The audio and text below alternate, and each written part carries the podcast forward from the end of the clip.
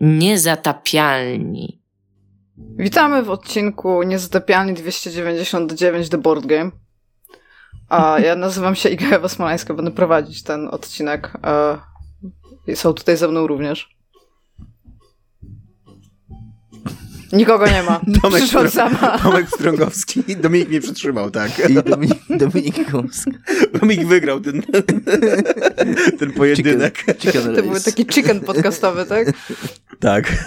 A, dobra, więc e, mamy dla was dzisiaj odcinek tematyczny, bo ostatnio mieliśmy bardzo dużo newsowych, chociaż właściwie teraz jak się zastanawiam, to mieliśmy bardzo niedawno odcinek tematyczny e, o Urban Legends. No ale dobra, mamy teraz też odcinek tematyczny. A, I e, tytuł tego odcinka jest e, związany z jego tematem, bym powiedziała, bo będziemy rozmawiać o tak szeroko określanych grach bez prądu, czyli wszystkich rozrywkach i grach, które nie są zapośredniczane jakby przez komputer, telefon komórkowy lub konsolę, czy wszystkie te inne rzeczy, na których teraz dzieci i młodzież grają w gry, Pewnie jest ich więcej w tych waszych TikTokach. Więc w waszych tak. TikTokach to jest też, też twój TikTok. To jest przede wszystkim mój TikTok, mam wrażenie, w tym podcaście chyba tylko ja jestem TikTokarą, tak? No. E, dobrze. Ja tak, ja już w ogóle nie jestem ani na tym, ani na Facebooku, ani na Twitterze, więc ja jestem taki starym człowiekiem. Po prostu. Ja bym w ogóle chciała, to jest takie moje marzenie, Zuckerberg, jak mnie słuchasz, czy możemy... Czy możesz mi wyjebać z Facebooka? Tak, nie, w ogóle, czy możemy zamknąć Facebooka i ograniczyć się tylko i wyłącznie, żeby Messenger został? Jakby, ja bym była bardzo, bardzo Da się to jakby... zrobić. Jakby można zlikwidować, y, to się nazywa zamrożenie wtedy. Właśnie tak ja, ja mam tak zrobione, że zamrażasz swoje konto i ono jest niewidoczne jakby dla Facebooka, znaczy dla użytkowników Facebooka, no bo dla Facebook się rzeczywiście ma wszystkie te dane, ale jednocześnie Messenger ci działa. Super okay. w ogóle, że tak często polecamy naszą grupę e, Nieczyste Zagrywki na Facebooku, w podcaście i w sumie tylko już ja jestem na tej grupie. Znaczy ja wchodzę czasami, to jest jedyna rzecz, którą ja robię na Facebooku. Czasami wchodzę na grupę. Mój Facebook jest po prostu tak smutny, już nawet nie mówię o reklamach, ale mam wrażenie, że moi przyjaciele mówią tam w taką próżnię. Na przykład ludzie stwierdzają, że fajnie jest napisać, co sądzą o jakimś filmie na Facebooku i jakby too long didn't read, dude. Totalnie to zrobiłem o Oppenheimerze ostatnio. tak, akurat nie miałam tego e, na myśli. Mam takiego ja jestem... ziomeczka, który o każdym filmie coś pisze i jakby nikt tego nie komentuje za bardzo i tak Ja byłem, ja byłem takim ziomeczkiem, tak... totalnie byłem takim ziomeczkiem, jak byłem na Facebooku. Idź do swoich TikToków. Jestem po prostu tak starym człowiekiem, ale My nie, ja odszedłem... panami ja... starszym, w średnim wieku i mamy swoje rzeczy, no. Ja, żeby się wytłumaczyć, to dopiero niedawno odszedłem na Facebooku. Dużo mi było na tej grupie, więc to nie jest tak, że zupełnie miałem w dupę od początku. E, a odszedłem dlatego, że, no kurde, strasznie dużo czasu mi to zjadało i toksyczne to jest trochę. Również, również ta nasza grupa, bo strasznie dużo czasu mi zjadała. Więc... E, Nasza grupa e, teraz dla wszystkich ludzi, którzy chcieliby dołączyć do naszej grupy, na której Tom, Tomek e, w tym momencie się nie znajduje, ale być może wróci, bo chyba już tak już kilka razy miałeś, nie? Tak, że tak. odchodziłeś i wracałeś. A to są nieczyste zagrywki grupa, żeby skonfundować wszystkich. Mamy też fanpage Niezatapialni. Tak, jak tam klikniecie, że chcecie dołączyć, to my was wpuścimy. Ja dosyć często wpuszczam ludzi. Chyba, że chcecie jakieś bardzo dziwne grupy do nas dołączyć, to wtedy niekoniecznie chcemy was wpuścić, ale to będziecie wiedzieli, myślę, dlaczego możemy nie chcieć was wpuścić. I mamy, też, ogólnie... mamy też fanpage na e, Facebooku Ambasador Wielkiego Trebusztanu, nie wiem, czy pamiętacie. Tak. Kiedy... Ale ogólnie zapraszamy was na grupę i e, tam jest mało toksycznie, raczej te rzeczy są moderowane i mamy bardzo, bardzo fajnych e, ludzi, którzy mają też bardzo dużo fajnych inicjatyw jakby od podcastowych, które zawsze super i zawsze na propsie. Swoją drogą ja napisałem o Oppenheimerze na Facebooku wczoraj wieczorem po nagraniu, ale dzisiaj rano stwierdziłem właśnie, że nie chcę być takim typem, co wrzuca ściany tekstu na, o filmach, więc skasowałem tego posta.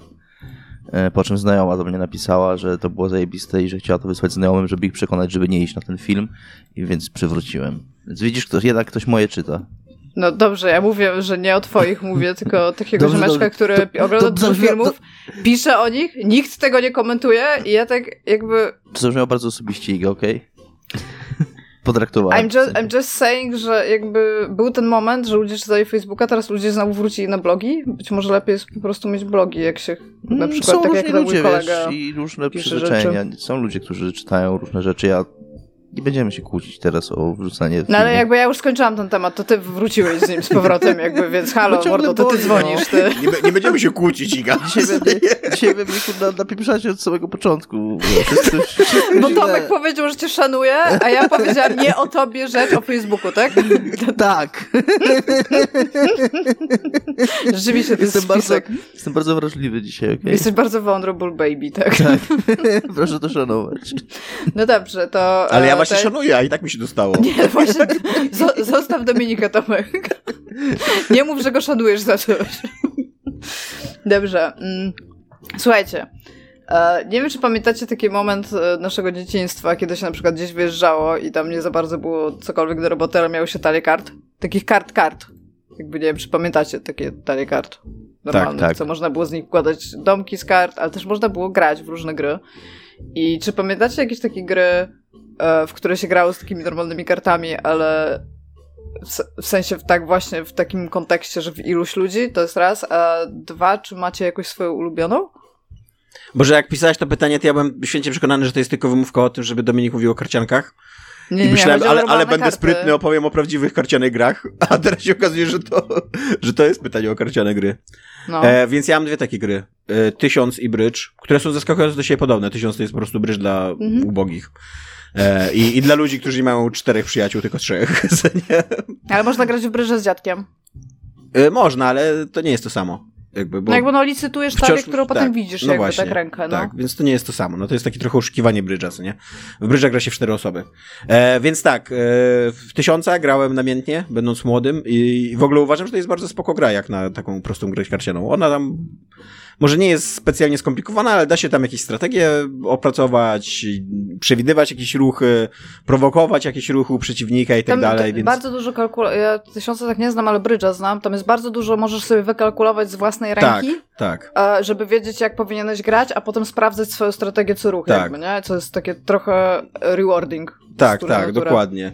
Więc, więc tak, więc tysiące grałem namiętnie. Pamiętam kiedyś w ósmej klasie podstawówki pojechaliśmy na domek i myśleliśmy, że to będzie w ogóle wow, tydzień, ur- tydzień wolności, w ogóle 14-latki i będzie super, o, zajebiście, co nie? Pierwszego dnia się nawaliliśmy, a później nie mieliśmy co robić przez 7 dni. Więc tak wyglądał Ale sami pojechaliście? I nasza wolność, tak, tak. Znaczy, zawieźli nas rodzice, jakby, ale zostawili Nie, ale w sensie, że wiesz, że nie było Tak, tam tak, opiekunów, tak, tak, tak. że- Tak, Fajnie. tak, tak.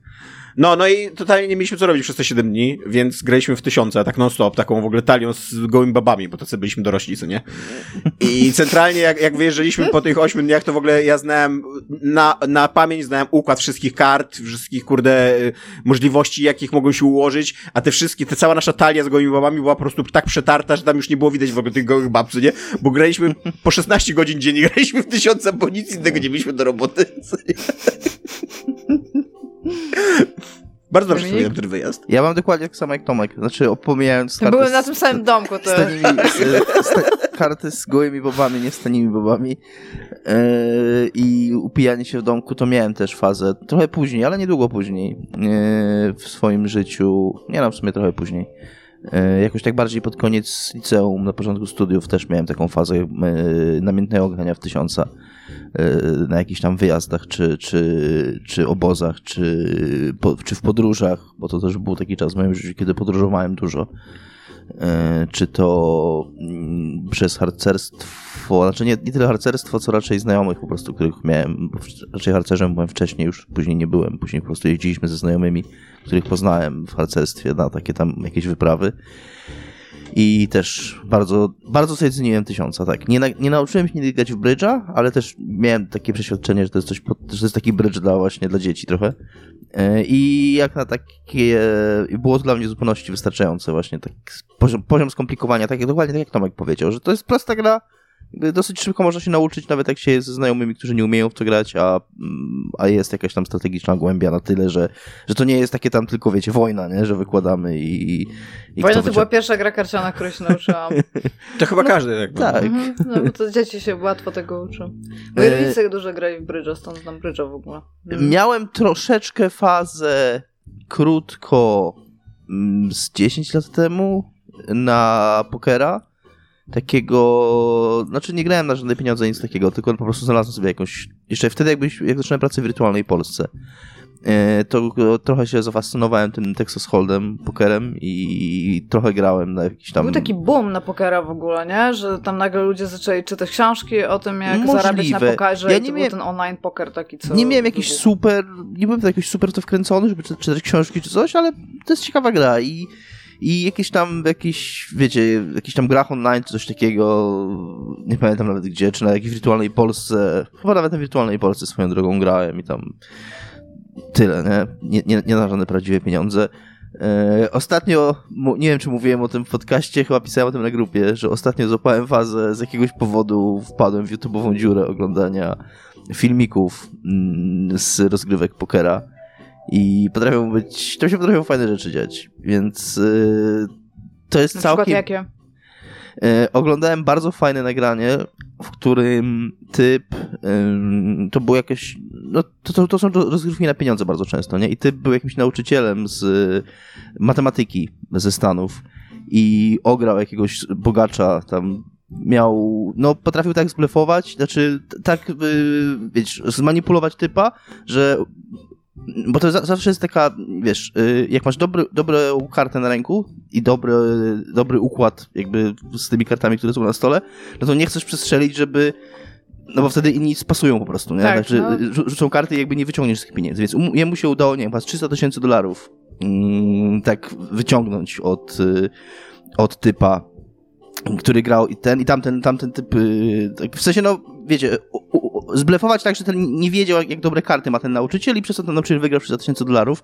Tamten typ się tak wkurzył, że w ogóle nagle wstał od stołu, zaczął tam w ogóle, wiesz, prawie, że, prawie, że Wow. chciał w stół w ogóle rzucić, nie? Taki mega był wkurwiony na to, nie? Przegrał z godnością, byś powiedział. Bar, bardzo, bardzo, bez, bardzo nie potrafił godności zachować, nie? I, I ten drugi właśnie mu mówi, żeby się uspokoił, nie? Jakiś inny przy stole, nie? A ten mówi, że co, a, co- a co ty z tego, a, wiesz, zaczyna tego, tego drugiego wyskakiwać, nie? A ja, ja w ogóle nie do ciebie mówiłem, to ty tego masz, nie?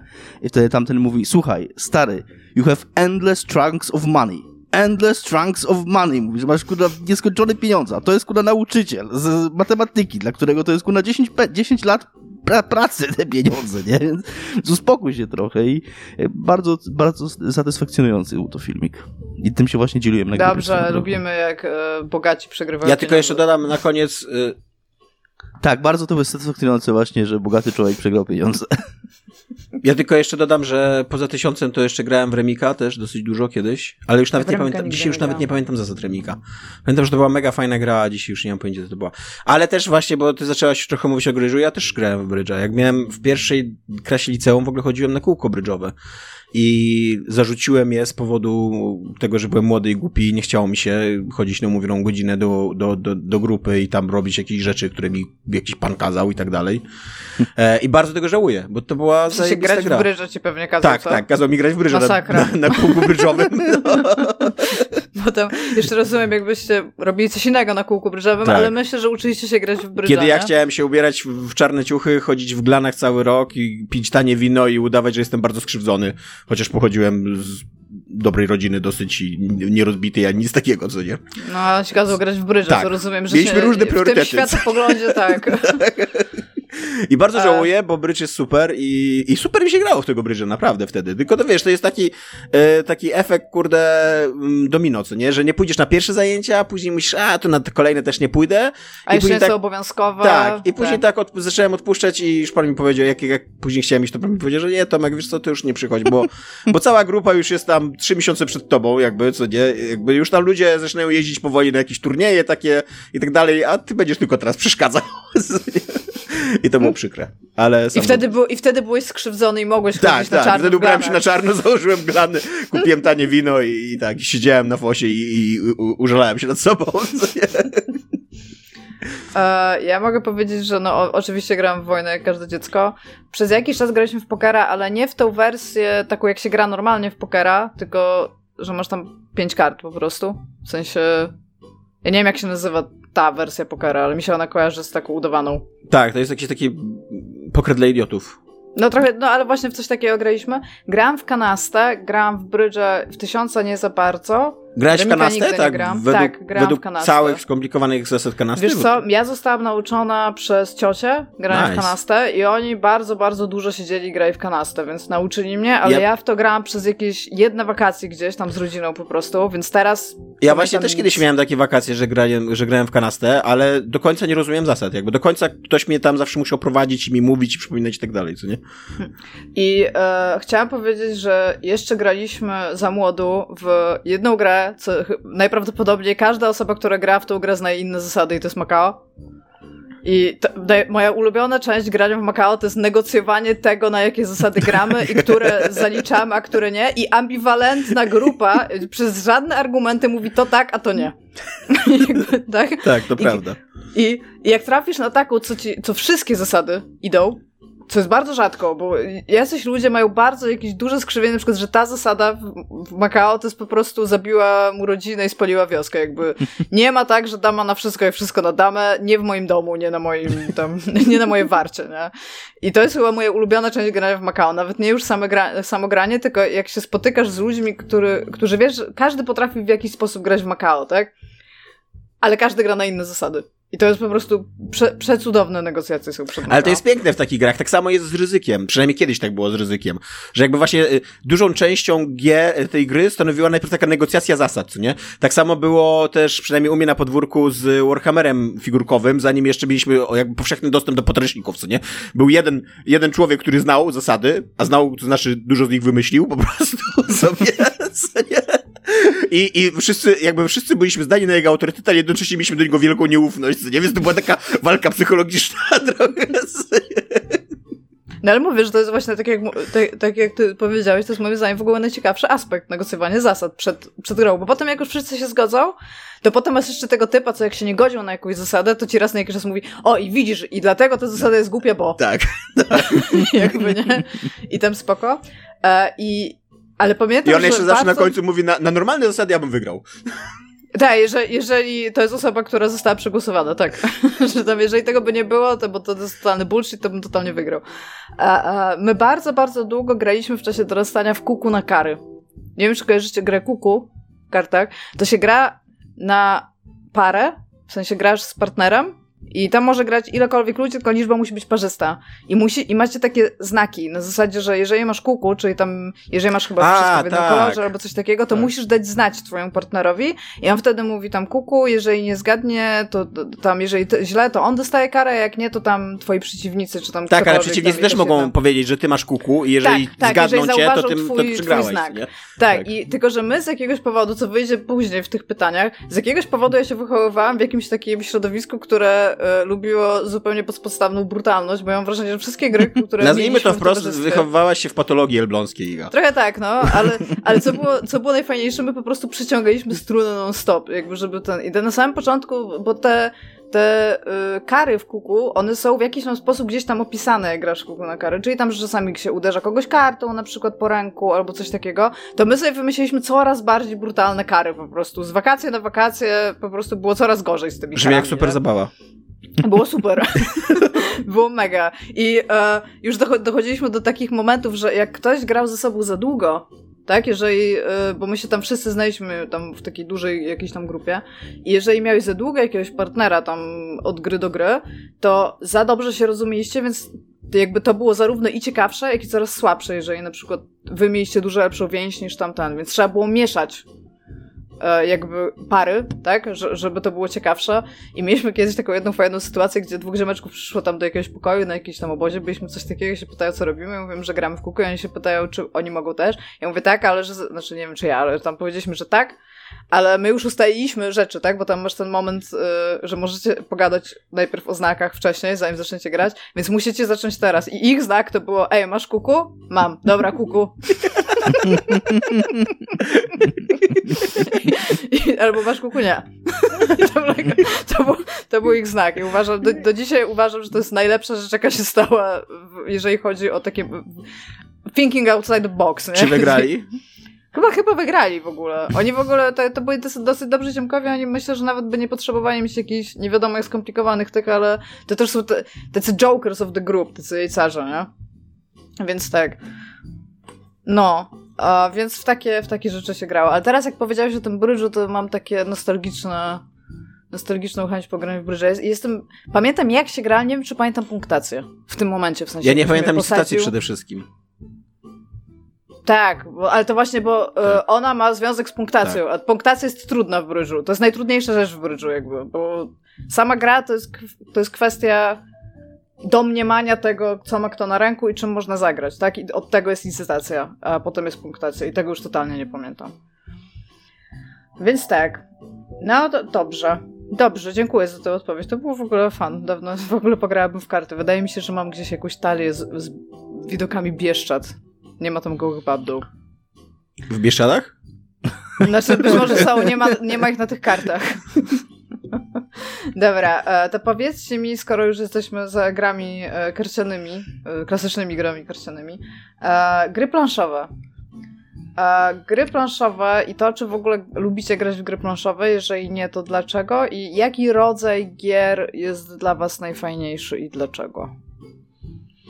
Mm, mi się rzadko zdarza grać w gry planszowe. Kiedyś być może zdarzało mi się to częściej, ale ja byłem też zawsze bardziej karciany jednak, więc jak miałem taką fazę głównie w, jeszcze chodziłem do szkoły, czy, czy na początku studiów, jak jeszcze się ma taki krąg znajomych i się mieszka u rodziców i się do siebie przychodzi nawzajem yy, i się siedzi w ileś tam osób, to głównie to był wtedy Magic. Yy, czasami Magia i Miecz.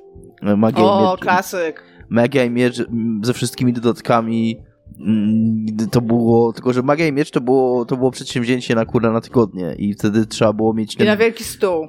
Podłogę, ja w ogóle to, miałem to szczęście, że mieszkałem, miałem swój pokój dosyć duży na strychu i my graliśmy na podłodze, bo to się nie mieściło wszystko I na stole. wszędzie były te kartonowe sakiewki, co? Wszędzie były te kartonowe sakiewki i wszędzie były te, i te, te plansze, tych plansz było chyba 6 czy 7, jak się grało z tak okręgami było, tak, nie? W sensie, że tak się dokładało planszę do planszy. Tak, nie tak. okręgami, one były prostokątne, ale no tak prostokątne, dokładało... ale okrąg jakby tam w środku to był taki... Się robi, tak i no i ta, później te, cała podłoga w pokoju była w, w, tych planszach i tej gry się nie dało skończyć w jeden wieczór, więc e, przez tydzień później, ta, bo na następny weekend się spotykaliśmy na przykład, więc przez tydzień te, te plansze I leżały. chodziłeś nad tymi sakiewkami. Tak, tak, tak, tak. E, a ostatnio trochę odpowiem na inne może pytanie.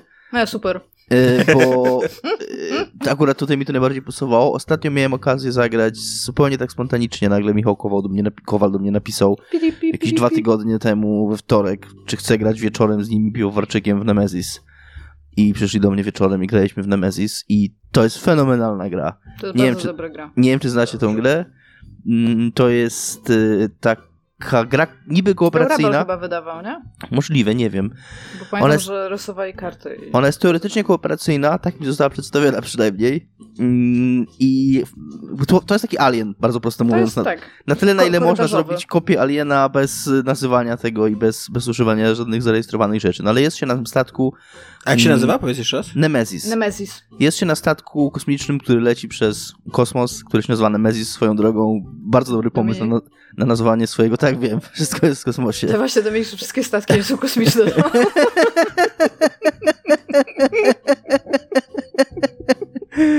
tak, to się tak. nigdy nie zrobi stare. No i ten statek jest... leci sobie przez kosmos. już dawno zrobiło stare. Nie, nie Tomek, nie. tak. Nie, ja się zgadzam z Igą.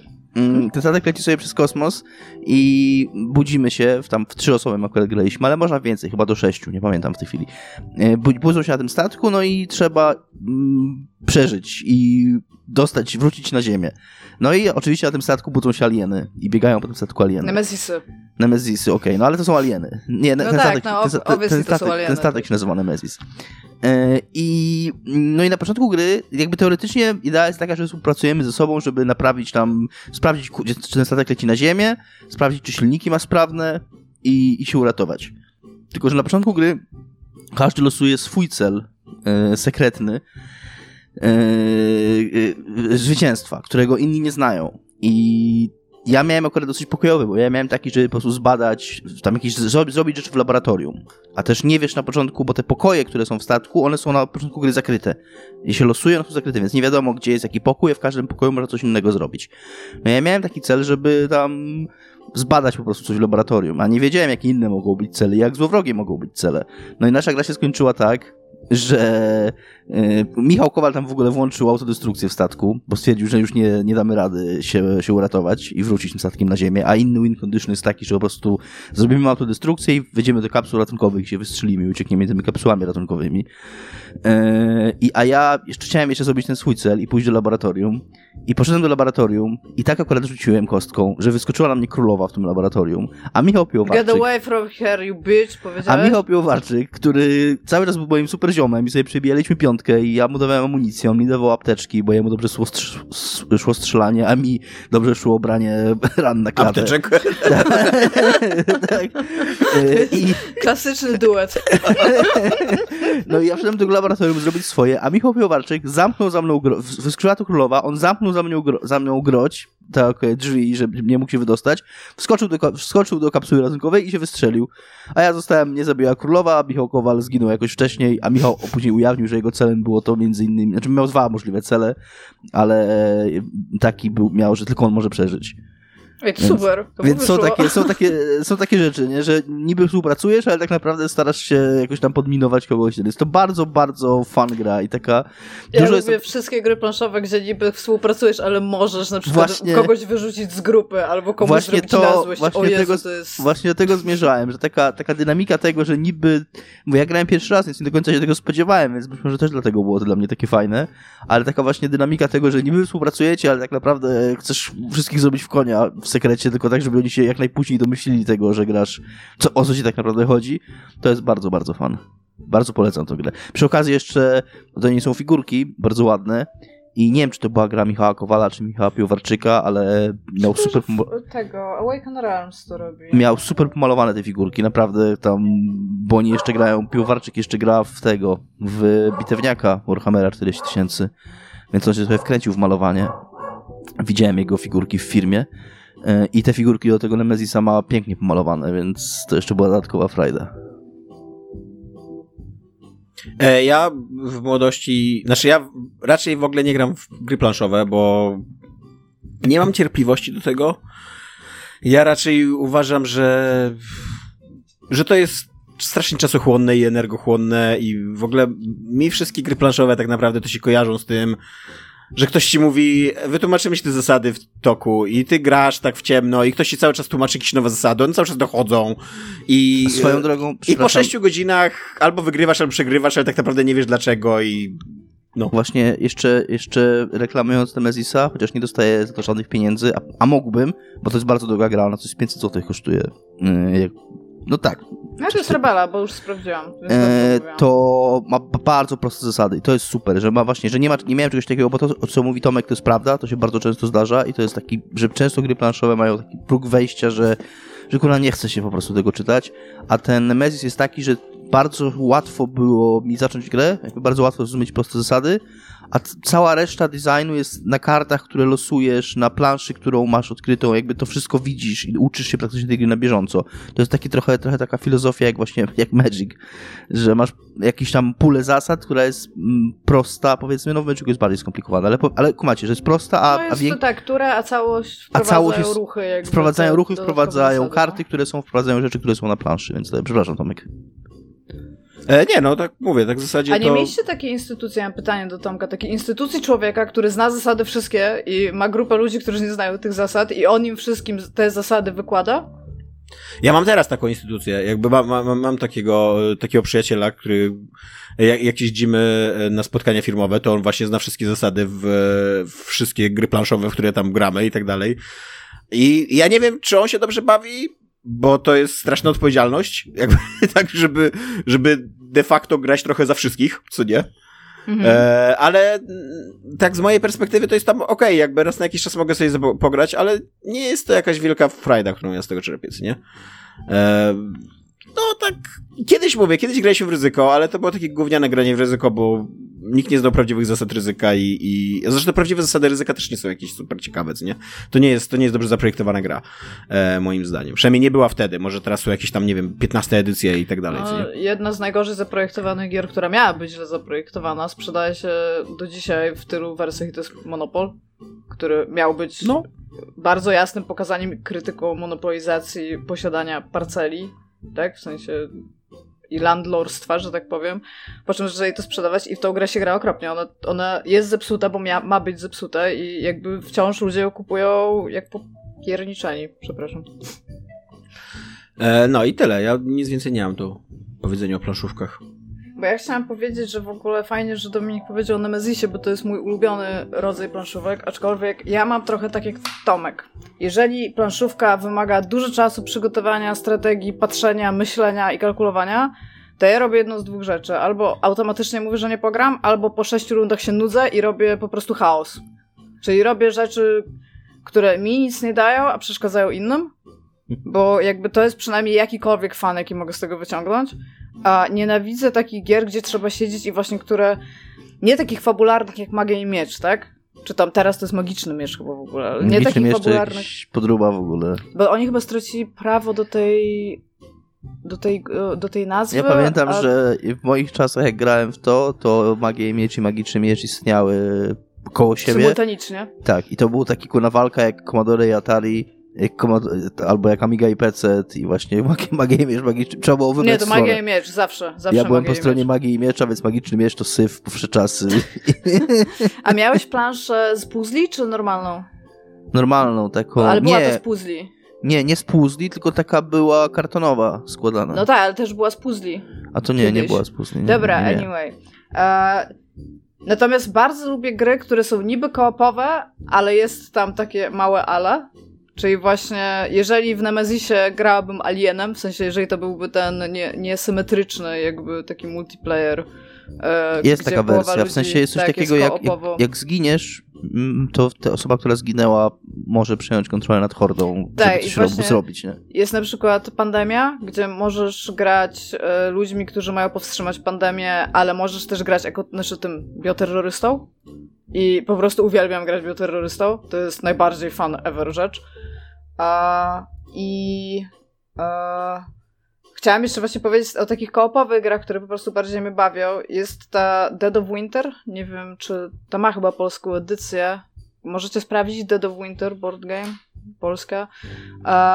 To jest ogólnie o zimie i zombie i tam się właśnie siedzi w grupie i można realnie powiedzieć, że tam ktoś jest ugryziony albo trzeba kogoś wywalić z grupy i to jest... Martwa zima. O, martwa zima, tak.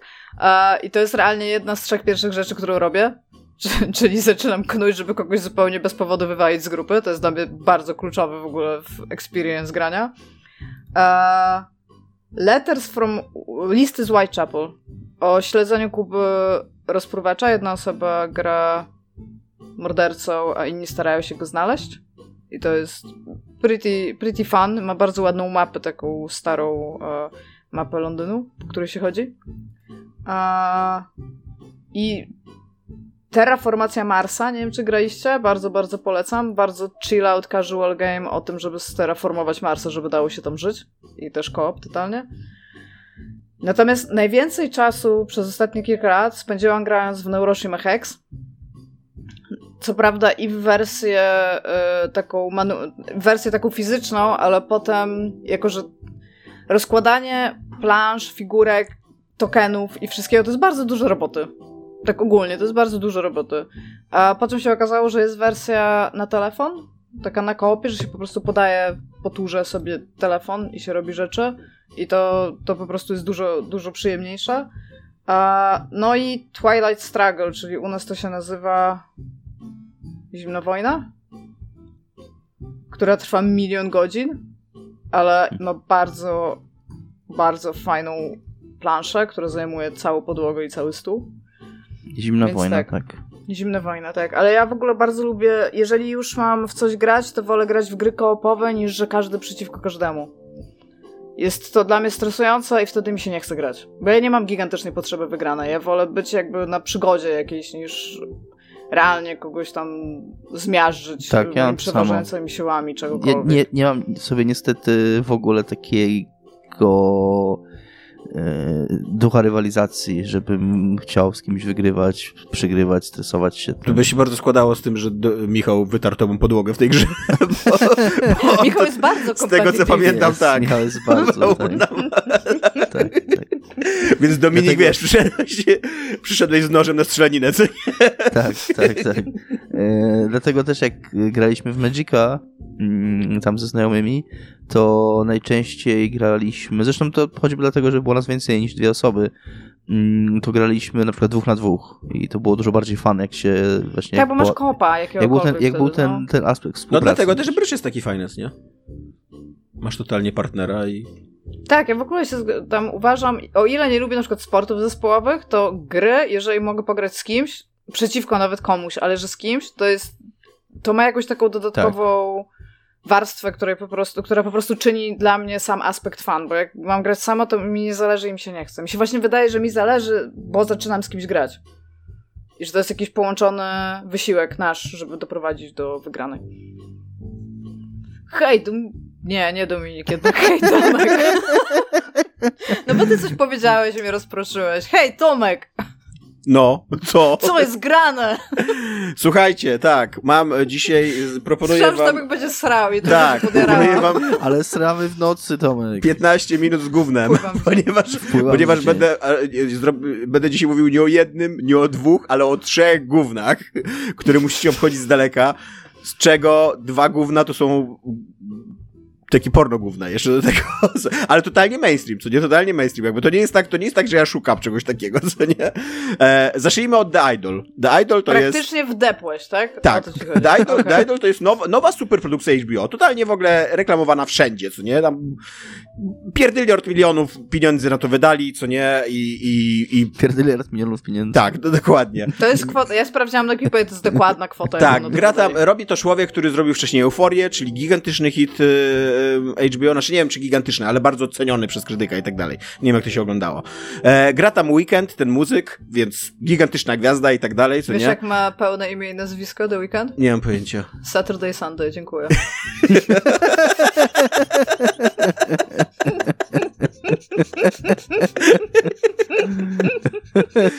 Okej, i gra główną rolę, gra córka Powinien Johnego... być, powinien być Friday as Sunday właśnie raczej. O, też mogło być.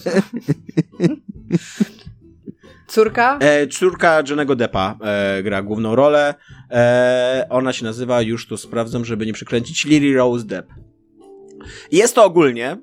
Ogólnie to ma, to ma nawet ciekawy pomysł jakby na siebie, co nie? Jest to taki film o Britney Spears, tylko nie o Britney Spears, co nie? Co by się... z- O, o gwiazdce e, pop, która po załamaniu nerwowym takim totalnym załamaniu nerwowym, y, że tam przestała dawać koncerty na półtora roku, y, zniknęła jakby ze, ze sceny i z życia, w ogóle stała się taką, mm, taką gigantyczną jakby e, aferą medialną, całe jej życie, wszyscy tam, wszyscy oni jakby te, wszystkie tam e, sępy nad nią krążyły i rozbierali ją tam na, na czynniki pierwsze, całe jej życie, jakieś paparazzi ją tam dręczyli i tak dalej, co nie. No i ona teraz po tym półtora roku, y, bo to załamanie nerwowe było związane z tym, że jej matka umarła i po tym półtora roku ona stara się pozbierać do kupy i wydać tam na, najpierw pierwszy singiel, a później ruszyć trasę kon- koncertową, co nie. Eee, tylko, że jakby w pierwszym odcinku spotyka tego weekenda, nie? Tego, tego typa, który się nazywa Tedros Tedros. W ogóle e, komuś to wymyśla imiona w tym, e, w tym serialu nie chciało się, nie, nie chciało się jakby pracować za bardzo, co nie? E, I i tak naprawdę cały ten serial, i ja przepraszam, że będę wulgarny, ale ten serial jest mega wulgarny. Cały ten, tak naprawdę cały ten serial jest o tym, że Weekend tak dobrze ją rucha, że ona pozwala mu totalnie na wszystko i odkrywa w międzyczasie, jak być szczerą, prawdziwą gwiazdą pop, co nie? I to jest, to jest autentycznie, to jest soft porno, ten serial. Jakby Znaczy, ja bym chciała powiedzieć, że w ogóle ta formuła tego, że Tak. ruchaniem jesteś w stanie Tak. rozwiązać problem, to jest w ogóle formuła filmów porno, tak? Bo Tak. to jest w porno i musicale, tak? Tak. Piosenki e, rozwiązują problem lub ruchanie rozwiązuje problem, więc to, co ty mówisz, to jest centralny film porno. e, jakby to, to jest gigantyczny hit HBO, robiony, kurde, przez, y, z dużym budżetem. Widać ten budżet w ogóle wszędzie, bo tam są, wiecie, oczywiście takie Takie gigantyczne... pieniądze są wszędzie, tak No, wylatują. Nie, no ale, ale wiesz, widać, widać jak są kręcone, jak to jest kręcone, widać jak są aktorzy, ja- jak, e, jakie są dekoracje i tak dalej, bo to jest kręcone w Hollywood, więc, więc tam wszystkie, wszystkie te takie domostwa, te takie, wiesz, kluby i tak dalej, no to wszystko widać taki, taki blicht, splendor i tak dalej. No, obsada też jest droga dosyć, co nie? A to jest, to jest serial głupi jak but, po prostu niesamowicie idiotyczny, wulgarny, pornograficzny, nie mający absolutnie nic do powiedzenia, co nie? To jest, e, autentycznie oglądasz go z takim narastającym poczuciem zażenowania i się zastanawiasz, jakim cudem w ogóle oni to kręcili, jakim cudem te kolejne sceny powstawały, ci ludzie wszyscy zaangażowani w produkcję, grali to, kręcili to, czytali te scenariusze i, i, i wiecie, jakby podejmowali decyzję o kolej, kręceniu kolejnych odcinków. Notabene on się okazał taką klapą, że zamiast sześciu odcinków nakręcili pięć. Kazali, kazali podobno, nie wiem czy to jest prawda, to jest tylko tam słyszałem od kogoś, ale podobno kazali szybciej jakby skończyć, żeby już nie, nie przepalać pieniędzy na tą produkcję, co jest, nie? Kończ, weź, ja wstydu oszczędź. Mało wiem na temat yy, produkcji filmowej, i takich szczegółów tego, jak filmy czy seriale powstają.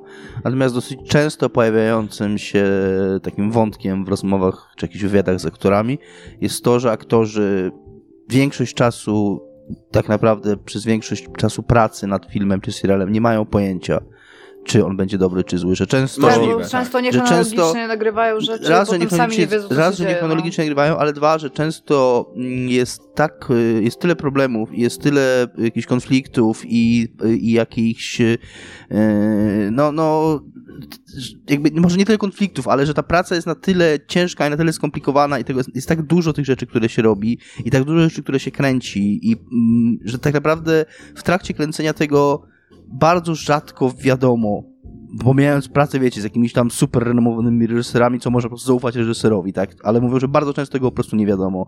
I, i jaka i, będzie końcowa jakość, tak? Jaka tego? będzie końcowa jakość tego, Autentycznie nie wierzę w to w przypadku Idola, ponieważ tam są tak złe części składowe, tam są dialogi okay. w stylu, jakby ona po raz pierwszy rozmawia z tym Poranek Tedrosem. Się nie? Zepsuł. Ona po raz pierwszy rozmawia z tym Tedrosem i ona mówi, puszcza mu, puszcza mu swój nowy singiel i mówi, nie, nie, ten singiel mi się nie podoba, co ty o nim myślisz? On mówi, nie, to jest spoko singiel. On mówi, nie, to nie jestem ja. On mówi, nie, to jest spoko singiel. On mówi, nie, ale no mówię, to nie jest szczere, to nie jestem ja, ja bym chciał nagrać coś innego. On no, mówi, wiesz, wiesz co, wiesz co może to, wiesz co, może, wiesz co może pomóc temu, temu, temu singlowi? Ruchanie. Mój penis. Jakbyś, jakbyś, jakbyś szczerość tutaj jakąś zrobiła, co nie? I on nagle, ła, puch, jak ty mnie znasz w ogóle, co nie przyjrzałeś mi na wylot. Nieważne, że dokładnie to samo powiedziała trzy, trzy minuty temu, co nie, trzy, nawet nie trzy minuty temu, trzy zdania temu, co nie? A później oczywiście ją rucha, rucha, ruchają tak, że ona się nie zakuje, ona w ogóle...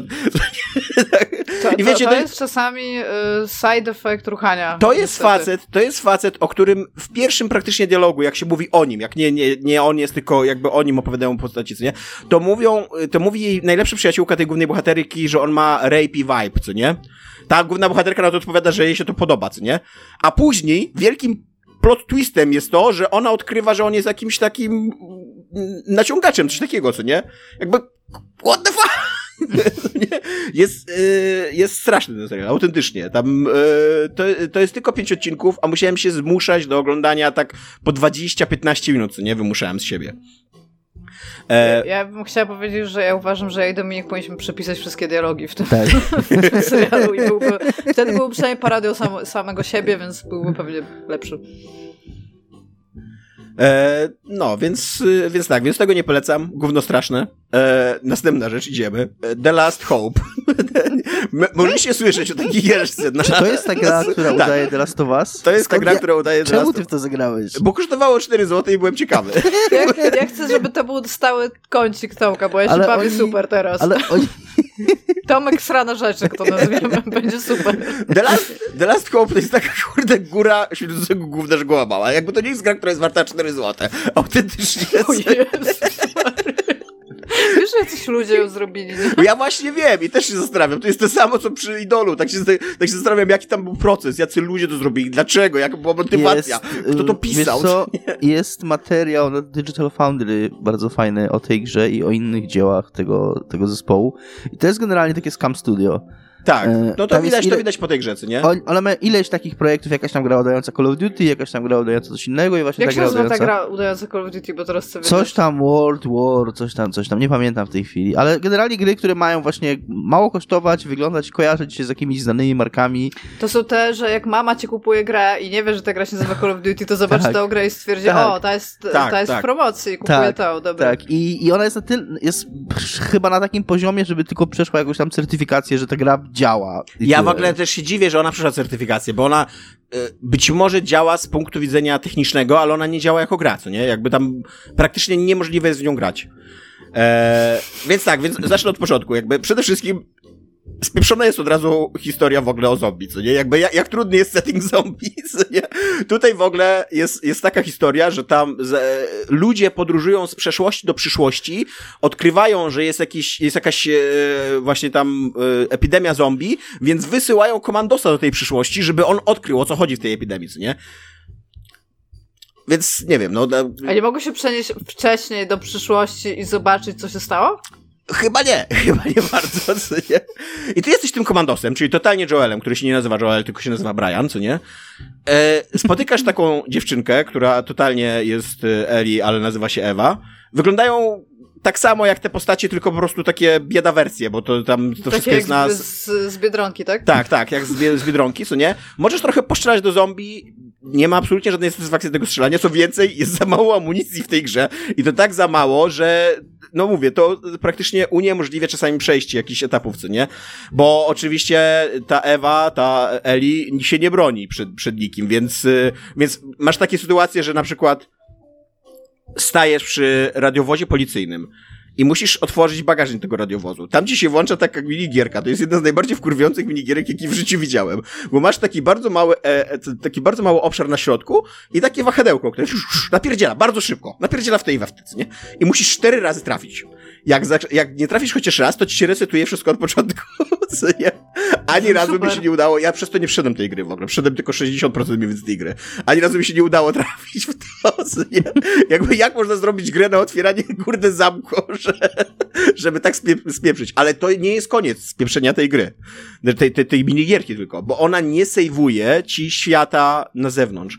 Więc w tym czasie zombie atakują Ewę albo ciebie ale Ewa przy okazji, bo ty to jeszcze przy, przynajmniej możesz wyjść z tej gry i się zacząć bronić, a Ewa się nie broni, więc ona po prostu umiera. I to jest nie, to game over. Nie, nie, nie, nie pauzuje świata. Tak, nie pauzuje świata, tak, na, na zewnątrz, nie? E, jak ty umierasz, to jest taki napis you dead. chyba, chyba po prostu już takie oh, fuck you, to you dead, you dead. You so goddamn dead. Jak masz, jak masz zero, e, e, jakby, jak masz kij baseballowy i masz zero staminy, to ta stamina się nie odradza. Ty nic nie możesz zrobić, nie możesz w żaden sposób zaatakować. Tylko po prostu biegasz tym kijem baseballowym i nie możesz tym machnąć, bo jesteś tak zmęczony. musisz, musisz znaleźć rację żywieniową, żeby... E... Musisz coś zjeść, żeby... Tak, żeby, żeby móc się zamachnąć kijem baseballowym, co nie? Jak, ma, jak masz zombie w okolicy, to te zombie nie wydają same z siebie jakby takich jęków, co nie? Tylko masz centralnie nagrany jeden taki zapętlony jęk, taki o i centralnie widać, kiedy on, znaczy słychać, kiedy on zaczyna lecieć od nowa, co nie? Takie o o o Dobra, ale powiedz mi, y, bo to są, za, jeżeli to ma być The Last of Us, tam tak. w cudzysłowie, to czy to są klikery, czy to są jakieś inne zombiaki? Nie, to są klasyczne zombiaki. To są bardzo okay. klasyczne zombiaki. Notabene ta gra trwa pół godziny, jeżeli ją wiesz jak ją przechodzić, jeżeli nie, nie masz problemu ze znalezieniem tych, tych e, checkpointów, co nie? Gdzie, gdzie, gdzie są kolejne tam point of interest, co nie, w tej grze. Jeżeli wiesz, gdzie to jest, to, to jest centralnie, możecie zobaczyć, zobaczyć sobie samą walkthrough na, na YouTubie, to jest centralnie gra na pół godziny i ona się kończy tak, że dobiegasz do statku i oni ci mówią, że tam, no, że tam wsiądź do statek i oddalisz się kilka mili, będzie dalej, co nie? Wchodzisz na ten statek i nagle puch, menu się, wracasz się do menu głównego, co nie? I tyle. W sensie nie ma... Nie ma nic dalej. Okay. Jak masz ekran ładowania, to ten pasek ładowania się napełnia do 100% w jakiś tam reasonable time, to nie? Takie 3 sekundy powiedzmy, co nie? A później przez 6-7 sekund stoi na tych 100 sekund, 100%, tak? To trwa centralnie, on na 100% stoi trzy razy dłużej niż się napełnia. A to akurat jest, to akurat jest y, coś, co dużo twórców gier mówi i w ogóle odchodzi się od y, takich pasków postępu, bo to jest bardzo trudno zrobić. I no, nawet... No teraz robią po prostu jakąś ikonkę, tak, która jest tak, animowana. Tak, tak, że te paski to jest zawsze ściema i po tego się nie da No to zrobić. już tam Windows 98 nas tego nauczył, tak, nie? Tak, tak. Byłoby to jednak dużo mądrzejsze, gdyby tak, gdyby zrobili jakąś taką animację. Tak, e, tak, mhm. to zgadza się. E, więc, więc tak, więc jest to, jest to też straszne gówno. Jakby ja, ja byłem zdziwiony aż, jak, wielkie gówno to jest? Bo, bo to jest głowa mała, naprawdę. E, no, no nic nie działa w tej grze, co nie? E, I tak, i tak jak Dominik mówi, jest to po prostu taki chamski skok na kasę dla ludzi najprawdopodobniej, którzy nie będą wiedzieli, co kupując, nie? E, więc, e, więc uważajcie, wy albo wasze mamy, albo ktoś tam jeszcze, e, kto, kto mógłby to kupić, nie? Nie ma żadnego voice actingu, postacie, ale, ale też przy okazji, wiesz, jak nie masz voice actingu, to wiesz, że gracze się nie czytają zbyt dużo, bo że to, to nie jest dobre wyjście, co nie? Nie, to tam, nie ma voice actingu, podchodzisz do postaci, ona zaczyna monolog taki na 4 czy 5 linii, co nie, tam mówi do ciebie. więc, e, więc tak. E, i... Znaczy jest wzruszająca ta gra. Nie, nie jest w ogóle wzruszająca. Ale ma coś tam napisane, czytałeś coś tam, tak? Jest tam coś napisane, tak, ale wiesz, to jest tak napisane, że, e, że ty spotykasz tą dziewczynę i czy ona może być twoją córką w przyszłości?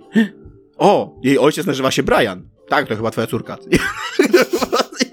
Czy plot twist na plot twistie tam, okay. Ale później się urywa w połowie, więc ciężko powiedzieć, co z tym, dokąd zmierzały te wątki.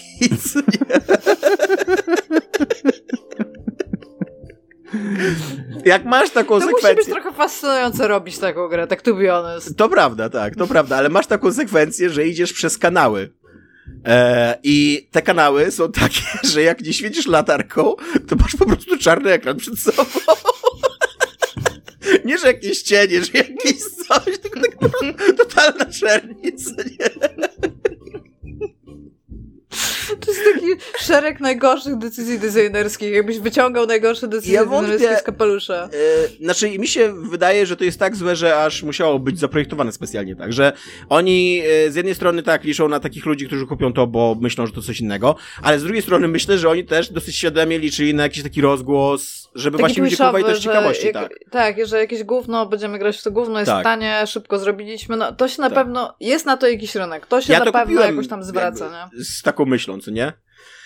E, że, e, że tak, że, że zobaczę, co to jest, nie? Znaczy, zobaczę, Ale, A powiedz mi, tak. śmiałeś się, jak w to grałeś, czy byłeś po prostu strasznie sfrustrowany? Byłem, i... e, wiesz co, śmiałem się w duchu, ale mhm. jakby jako gracz byłem raczej sfrustrowany tym, jak męczące to jest często i no i takie po prostu niezabawne, co nie? Tam robisz rzeczy i absolutnie nie widzisz żadnego sensu w robieniu tych rzeczy. Okej. Okay. E, no i ostatnia rzecz, na którą chciałem, e, ostatnia rzecz, która jest strasznym gównem i na którą chciałem się wysrać, przepraszam za słownictwo, ale tak jest niestety. Czemu chciałeś się Czemu straszna gówno? to jest anime Tengoku Daima, Daimakyo, Tengoku Daimakyo, które jest na Disney Plus. Możecie je obejrzeć. Ono ma angielski tytuł, tylko że ten tytuł chyba jest używany tylko wobec mangi. Ja nie widziałem, żeby w anime też był używany. Angielski tytuł to jest Heavenly Delusion. E, I tutaj to jest, e, to, to nie jest takie otwarte, jakby takie, takie szczere gówno. To jest gówno, które udaje w miarę spoko tekst kultury, nie? E, to jest taka animka o tym, że e, dwójka dzieciaków, takich w wieku naście lat, podróżuje przez takie półpost-apokaliptyczną Japonię. Taką, że cywilizacja się ogólnie zawaliła, ale istnieją jeszcze jakieś tam struktury, jakieś zbiorowiska ludzkie, e, są jakieś takie no, relacje społeczne i tak dalej. To nie jest tak, że jest totalna dziś i wszyscy się mordują, tylko jakby wioski są i po prostu jest niebezpiecznie między tymi wioskami i tak dalej, nie? I oni podróżują e, przez, te, przez tą Japonię, ponieważ chłopak chce, żeby go zaprowadzono do miejsca, które się nazywa Niebo, a dziewczyna robi za jego, za jego ochroniarza, co nie? E, I to jest, widzimy, oglądamy ich przygody, a drugi wątek to oglądamy dzieciaków zamkniętych w jakimś takim tajemniczym ośrodku e, ten, ten, badań, na których są przeprowadzane jakieś eksperymenty, które posiadają jakieś supermoce. Te wątki nie są ze sobą powiązane. I przez 13 odcinków tego sezonu pierwszego one nie są ze sobą powiązane. Nie, nie, nie, nie dowiadujemy się, jak są powiązane ze sobą. Nie wiem, czy powstanie drugi sezon. Jakby pierwszy sezon jakby nie dostarczy żadnego rozwiązania fabularnego, jeżeli chodzi ani o pierwszy, ani o drugi sezon. Tak? Ani o pierwszy, ani o drugi wątek. Co jest totalnie w połowie, one się urywają i tak dalej. I ogólnie to jest takie anime, które jest... Yy, nie jest dobre, ale też nie jest agresywnie złe. Co? Nie? To jest taki, taki przeciętniak animkowy, że tam... Gdzie sranie?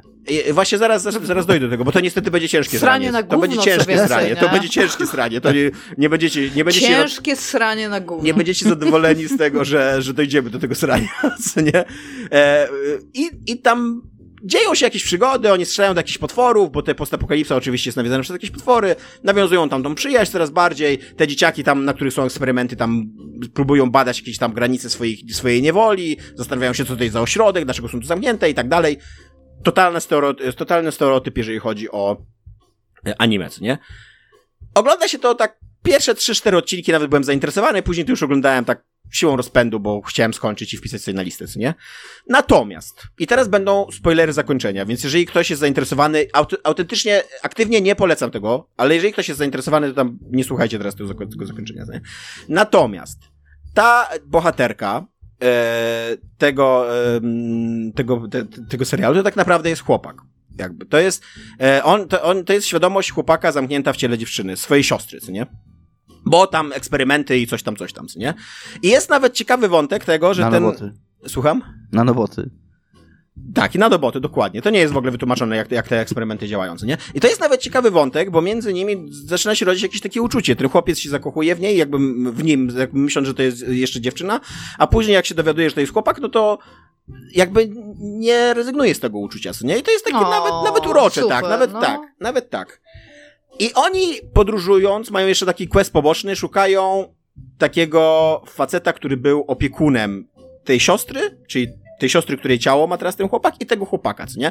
I ten facet, który był ich opiekunem, jakby ma mu powiedzieć, co się wydarzyło, bo on stracił pamięć, jakby on, on ma coś, coś takiego, że ostatnio co pamiętał, to był w swoim ciele, a później obudził się w ciele swojej siostry, co nie?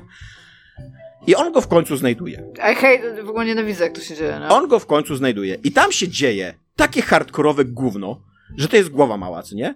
Ten facet łapie go i gwałci przez cały dzień. Jednocześnie mówiąc mu, że patrz, jak znisz, jak będę ranił ciało twojej siostry, co nie? Więc wyobraźcie sobie, jaka to jest, jaka to jest taka traumatyczna, popieprzona, niekomfortowa dla widza sytuacja, co nie? Że widzisz, to, to nie jest przedstawione, ale, ale jakby cała ta sytuacja jest bardzo Czekaj, jasna, co tam nie? we dwójkę szli, co się z tym drugim Ten drugi chłopak akurat jest tam gdzieś poza kadrem, gdzieś jakiś swój quest poboczny robi, coś tam, coś, co nie? I ale wyobraź sobie, jakby wiesz, odnajdujesz człowieka, który był dla ciebie takim przewodnikiem życiowym, co nie? I okazuje się, że on najprawdopodobniej gwałcił twoją siostrę przez lata, a teraz gwałci ciebie, krzywdząc jednocześnie i ciebie, i jej ciało, jakby, i, i zwraca ci na to Mhm. uwagę, że chce skrzywdzić jej ciało, co nie? Że chce, jakby, no nie, no nie wiem, co chce, co nie? I przychodzi ten chłopak drugi. I wyobraźcie sobie, co się dzieje z tym wątkiem. Też zaczyna cię gwałcić. Nie, ten wątek zostaje wykorzystany do tego, żeby ten chłopak spuścił temu kolesiowi w pierdol, a później powiedział, jak bardzo on go kocha i że tam dajmy sobie jednak szansę. I to jest, wiesz, taki, taki moment rozwoju tego związku, że on miał szansę teraz pokazać, że mu na niej zależy i, e, A to nie jest ten i tam moment żyjemy związku, dalej. który się nie? nazywa shared trauma? Słucham? Shared trauma jest taki moment w związku. Tam nie ma w ogóle żadnej traumy. Tam, tam w ogóle jakby cała ta scena nie ma absolutnie żadnego ciągu dalszego, co jakby ani w konstrukcji postaci, ani w, jakimś, w jakiejś rozmowie, ani w niczym, co nie? To jest jakby taki e, taki wykwit bezsensownego okrucieństwa, który jakby jak ja to oglądałem, to byłem mega, Ja w takim rozumiem, mega dyskomforcie, mówisz, co nie? Ale ja, ja jestem w ogóle takim... Ja, ja lubię be- bezpodstawną i bezsensowną przemoc, która eskaluje, więc... Ja się nawet, ja się nawet zgadzam, tylko że ona powinna być, zwłaszcza moim zdaniem w normalnej animce dla nastolatków, o nastolatkach, ona powinna mieć swój ciężar, swoje znaczenie, Tak, no oczywiście, jakby to tak, a nie, a nie po prostu być ciekawym pomysłem fabularnym, z którym po prostu później się nic nie dzieje, tylko dlatego, żeby, żeby jakby, nie wiem, zaszpalować, kurde, tym, jak A bardzo to jest może jakiś hentai skrzyć. w ogóle? Nie, nie. To jest normalna, normalna, mówię, animka dla To jak oni pokazują gwałt całodzienny? E, najpierw, najpierw on ją przyszpila, znaczy jego, przepraszam, on jego przyszpila do łóżka, mówi mu te, te wszystkie rzeczy Mhm. i, i jest cięcie, a później następnego, następnego dnia, jak ten drugi chłopak przychodzi tam się dowiedzieć, co się dzieje, to słyszy, jak się ludzie nabijają, że o, tam przez cały dzień słychać było jej jęki i ola, ale musiało jej być dobrze i tak dalej, co nie? Co tak naprawdę były w ogóle po prostu oczywiście krzyki cierpienia i tak dalej, co nie? Czyli poza, poza sceną obscenicznie było to Tak. pokazane. Więc, e, więc e, Obscenicznie. Mhm. straszne to jest, bezsensowne i, e, i tak, jak, tak jak to było, jak to było, jak to była przeciętna animka, to tak jak obejrzałem, bo to się dzieje w dwóch ostatnich odcinkach, jak obejrzałem te dwa ostatnie odcinki, to sobie pomyślałem, ja pierdolę, co za gówno, co nie, znowu, przepraszam za, za słowa, ale, ale co za gówno, co nie, po prostu. No, dobra, to się, to się tutaj wypróżniłem. E, Iga, oddaję ci Głównym głos. na gówno. Bo Ja lubię ten, to jest moja ulubiona sekcja. Nie będę kłamać w tym podcaście. Tomek strona gówno. Tomek strona z głównym na gówno, no. To jest, to jest w ogóle ważne. A, dobra, to skoro już, już się Tomek wypróżnił, to ja się spytam Dominika. Dominik, klasyczne Ja. RPG. I wiem, Magia i Miecz to jest jak najbardziej jakiś RPG, tylko planszowy, że tak powiem. Hmm. Klasyczne RPG. E, jakie systemy grałeś, czy jakieś prowadziłeś?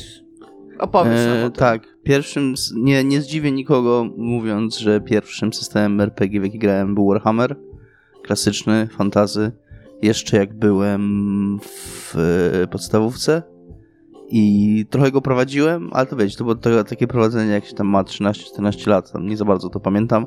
Pamiętam bardzo dobrze e, tylko jedną rzecz z tego mojego prowadzenia, że jak byłem na wakacjach i miałem taki swój notatniczek i tam pl- planowałem sesję dla swoich kolegów i tam robiłem jakieś opisy i rysowałem jakieś rzeczy i moi rodzice to znaleźli i byli przerażeni, jakie tam bo tam jakieś były opisy flaków y, walających się na podłodze i y, po- podłogach, podłogi co? skąpanej w krwi i nie, nie, po prostu musiałem mi wytłumaczyć, ale nie, nie miałem takich problemów z rodzicami, żeby coś mi ten zarzucali mi satanizm, ale, Ale ja tak się zastanawiam, tak bez kontekstu znajdujesz coś takiego, to jest twojego dziecka, to to musi być przerażające, nie? tak, no właśnie chyba byli trochę przerażeni.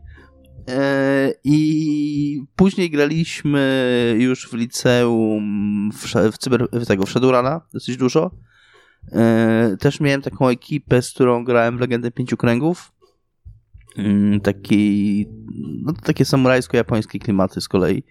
I była, byli tacy, no tak, taka, taka grupka ludzi, z którą byłem wtedy jakoś tam przez było swego czasu na Morenie coś takiego, co się nazywało Klub Fantastyki Alcor w Domu Kultury i ja tam parę razy byłem i poznałem, autentycznie jak miałem takie doświadczenie, że poznałem tam różnych ludzi i przez to poznałem ludzi też, z którymi grałem w Magica, przez to poznałem ludzi właśnie, z którymi grałem w tą Legendę Pięciu Kręgów. Eee, Z kolegami z, z liceum graliśmy w Shadowruna. Mm, Trochę grałem chyba z jedną sesję w Star Warsy, właśnie w tym klubie, ale jakoś nie, nie weszło mi to. Eee, I w Cyberpunka nie wiem, czy grałem. Chyba nie grałem w Cyberpunka.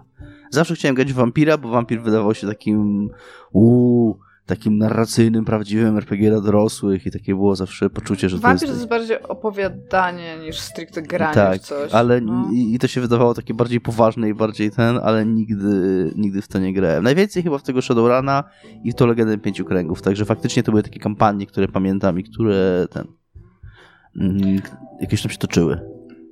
U nas się, ja grałam w Vampira, udało mi się, natomiast nie pograliśmy długo, bo ja kolei, bo to, to brzmi fajnie i to, to jest tam fajne, jak już wszyscy są w to tak mocno wczuci, tak, i tam jeszcze jakieś winko się pije albo coś takiego, tam to jest super w porządku, ale mam wrażenie, że jeżeli nie masz zgranej bardzo ekipy, to, to marnie wychodzi. Jednak te rzuty kostkami, sprawdzanie rzeczy i taki bardzo growość tych innych RPGów, której Vampir ma... Vampir jest taki... Jeżeli chodzi o tą growość, to jest taki trochę casual w moim odczuciu. W sensie bardziej się skupiasz na tym, żeby móc po, po, poprowadzić jakiś wątek, tak? I coś opowiedzieć. Musisz się tam wczuć tam w tą klasowość, tak? Tego świata przedstawionego i ten. E, ale no nie, nie były to jakieś moje ulubione sesje. Grałam w Warhammera, bardzo, bardzo dużo grałam w Warhammera. A grałam też w Neuroshima, ale nigdy Neuroshima nie prowadziłam. Zawsze w Neuroshima grałam, bo zarówno Vampira, jak i Warhammera zdarzało mi się prowadzić. A Warhammera w ogóle chyba gro moich przygód prowadziłam, a nie grałam. I co więcej, ja nie wiem jak u was było, ale ja na przykład jako e, osoba, która miała podstawkę, bo to było super ważne, mieć podręcznik ten z podstawowymi zasadami, a z jakiegoś powodu musiałam też trzymać wszystkie karty postaci ludzi, e, kostki i właściwie to ci ludzie przynosili tylko, tylko ryj po prostu na tą grę. Ja, ja przynosiłam całą resztę. Tam dobrze, że jeżeli w ogóle ktoś miał ołówek, bo ja też przynosiłam ołówki. Więc jakby ja przychodziłam prowadzić im przygody, żeby oni się mogli dobrze bawić, ale ja jeszcze wszystko, wszystko ja jakby robiłam, co było takie trochę, trochę weird, jak o tym teraz pomyślę, ale tam wciąż ba bardzo fan to wspominam w ogóle. A, no i właśnie w Neuroshim dosyć dużo graliśmy e, w pracy. Po prostu w pewnym momencie była jakaś taka impreza pracowa i staliśmy przy ognisku w ogóle gdzieś tam w parku Regana. I stoiliśmy i tak trochę nudno było i sobie staliśmy i ktoś tam właśnie mówi, kurde, wolałabym teraz tam robić coś tam. Ktoś tam, że wolałby robić coś tam. Ja mówię, że ja bym wolała to nawet siedzieć i grać w jakiegoś klasycznego RPGa i wszyscy totalnie tak, totalnie tak. I stwierdziliśmy, że dobra, za tydzień się spotykamy w ogóle tam chyba 6 czy 7 osób i gramy w RPG papierowe i to było bardzo super jak na grupę dorosłych ludzi ze swoimi życiami. Jakby uważam, że ba bardzo spoko to wyszło. Że coś takiego się udało. A, a Tomasz? Tomasz? E, ja grałem. mm, Znaczy, może tak, zacznę od prowadzenia. Ja prowadziłem Warhammera przez lata, tak z 6-7 lat chyba prowadziłem. Z czego ze dwie czy trzy takie epickie kampanie w ogóle na tam rok, na setki sesji, co nie? Ale autorskie swoje, czy tak, te... tak, swoje Okej. autorskie, swoje autorskie.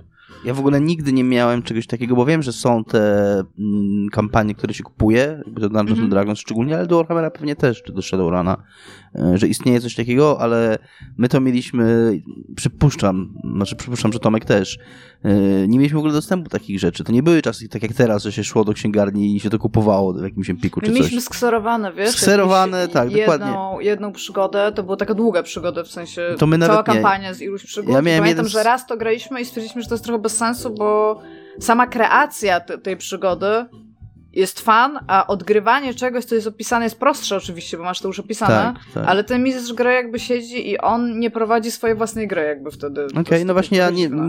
w ogóle nie, nie mieliśmy dostępu do czegoś takiego. Mieliśmy jakiś jeden skserowany podręcznik i, i tyle, i graliśmy to, co wymyśliliśmy. Ja, my mieliśmy dostęp do kilku części Imperium w Płomieniach, tego najbardziej znanego, naj- najbardziej znanej kampanii e, Warhammerowej i ze dwie czy trzy zagraliśmy te przygody, ale, ale nie przeszliśmy całej tej kampanii. Ale to, ja, to nie ja prowadziłem, ja grałem tam jako gracz, nie? E, prowadziłem też trochę Cyberpunka, tak, ale trochę i to były takie pojedyncze przygody, nie jakieś kampanie.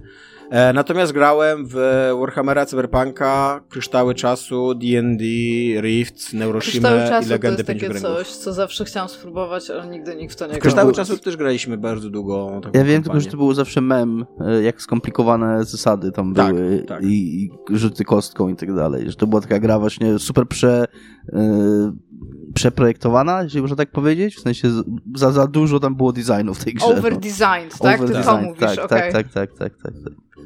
Tak, my graliśmy w te Kryształy Czasu trochę tak, jakby to były po prostu D&D, tylko z innymi zasadami, co nie? E, bo tam też Znaczy, mi się oka- wydaje, że my też naciągaliśmy trochę zasad, takich szczególnie na przykład, nie wiem czy graliście kiedyś w Neuroshima, ale w Neuroshimie jakby jedno z takich fajniejszych rzeczy, które jest w Neuroshimie, którą różni od D&D i Warhammera, to jest fakt, że dużo się tam strzela, w sensie, że tam nie tam fireball i tam cokolwiek, tylko że realnie masz broń palną i, i w ogóle zasady strzelania w Neuroshimie to jest jakaś po prostu totalna masakra. I mi się wydaje, że my od razu usiedliśmy i uprościliśmy te zasady, żeby to było bardziej fan na przykład.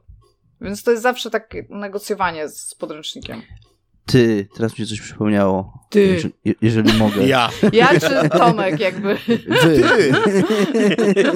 Przypomniało mi się, ty. Przypomniałem jeszcze, że miałem fazę w swoim życiu grania w BBTego, w Battletecha. To było zajebiste. Yy, ale to tylko grałem z sąsiadem, mm, kolegą swoim. A to, się sąsiadem to się nie liczy? I, Biedny Raz z sąsiad. sąsiadem, to wiesz.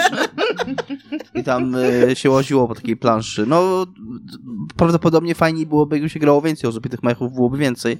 No ale my graliśmy we dwóch i, i też nap- napieprzało się tymi mechami, ale najlepszą częścią tej gry było projektowanie tego mecha, że się miało taką kartkę z tam z e, takimi punkcikami na, na, tym, na tym mechu i trzeba było...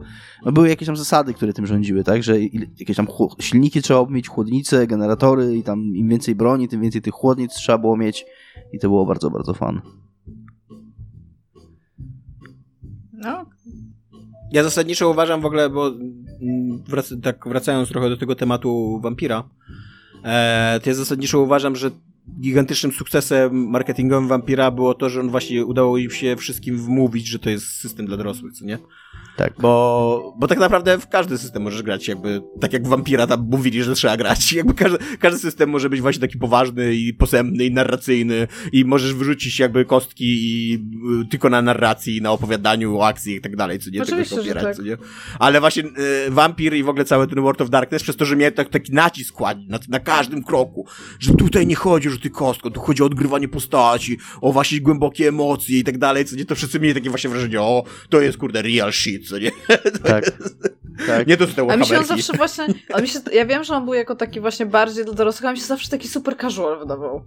Że to, że to jest RPG, w który zaczynasz grać, jak ciągle chcesz grać w RPG, ale jak już nie chce ci się grać. O tak. ale dobrze. A, no dobrze, to w takim razie kolejna y, rozrywka. Co prawda najczęściej elektroniczna, przynajmniej po części, ale powiedzmy, że nie musi być i to są escape roomy.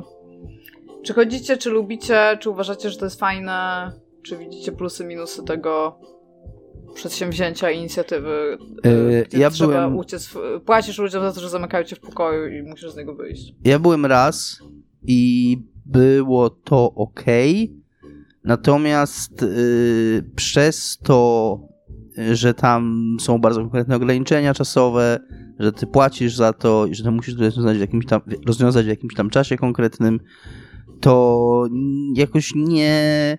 Mniej tam było współpracy, a bardziej miałem takie wrażenie, że każdy się, że wszyscy się rozeszli, bo tam jest ileś tych zagadek do rozwiązania, żeby... Tak, i zawsze, u nas zawsze była taka osoba, która planuje wy na to, wy na to, wy na to, a my siedzimy tu. No może my nie mieliśmy doświadczenia, nie mieliśmy takiej osoby, więc raczej każdy gdzieś tam szedł jakąś swoją stronę, coś tam próbował robić, na coś tam wpadał i było w tym dużo chaosu, mało jakiejś takiej faktycznej współpracy i, i było to spoko, ale nie, nie, nie, nie byłem jakiś super zachwycony. Natomiast dostałem od Szymona Adamusa swego czasu e, taką planszówkową wersję Escape Roomu, e, gdzie no też siadało usiedliśmy tam w kilka osób i to było e, jakieś chyba takie murder mystery, jeżeli dobrze pamiętam. E, I, I trzeba było tam. Był taki. No, w jakimś tam. Było się zamkniętym w jakimś tam takim domu w środku lasu czy coś. I to jest taka się- jednorazowa gra, że tam Taka jednorazowa gra. Tak, niszczysz tak, tak. rekwizyty w międzyczasie, więc ona jest później do wyrzucenia.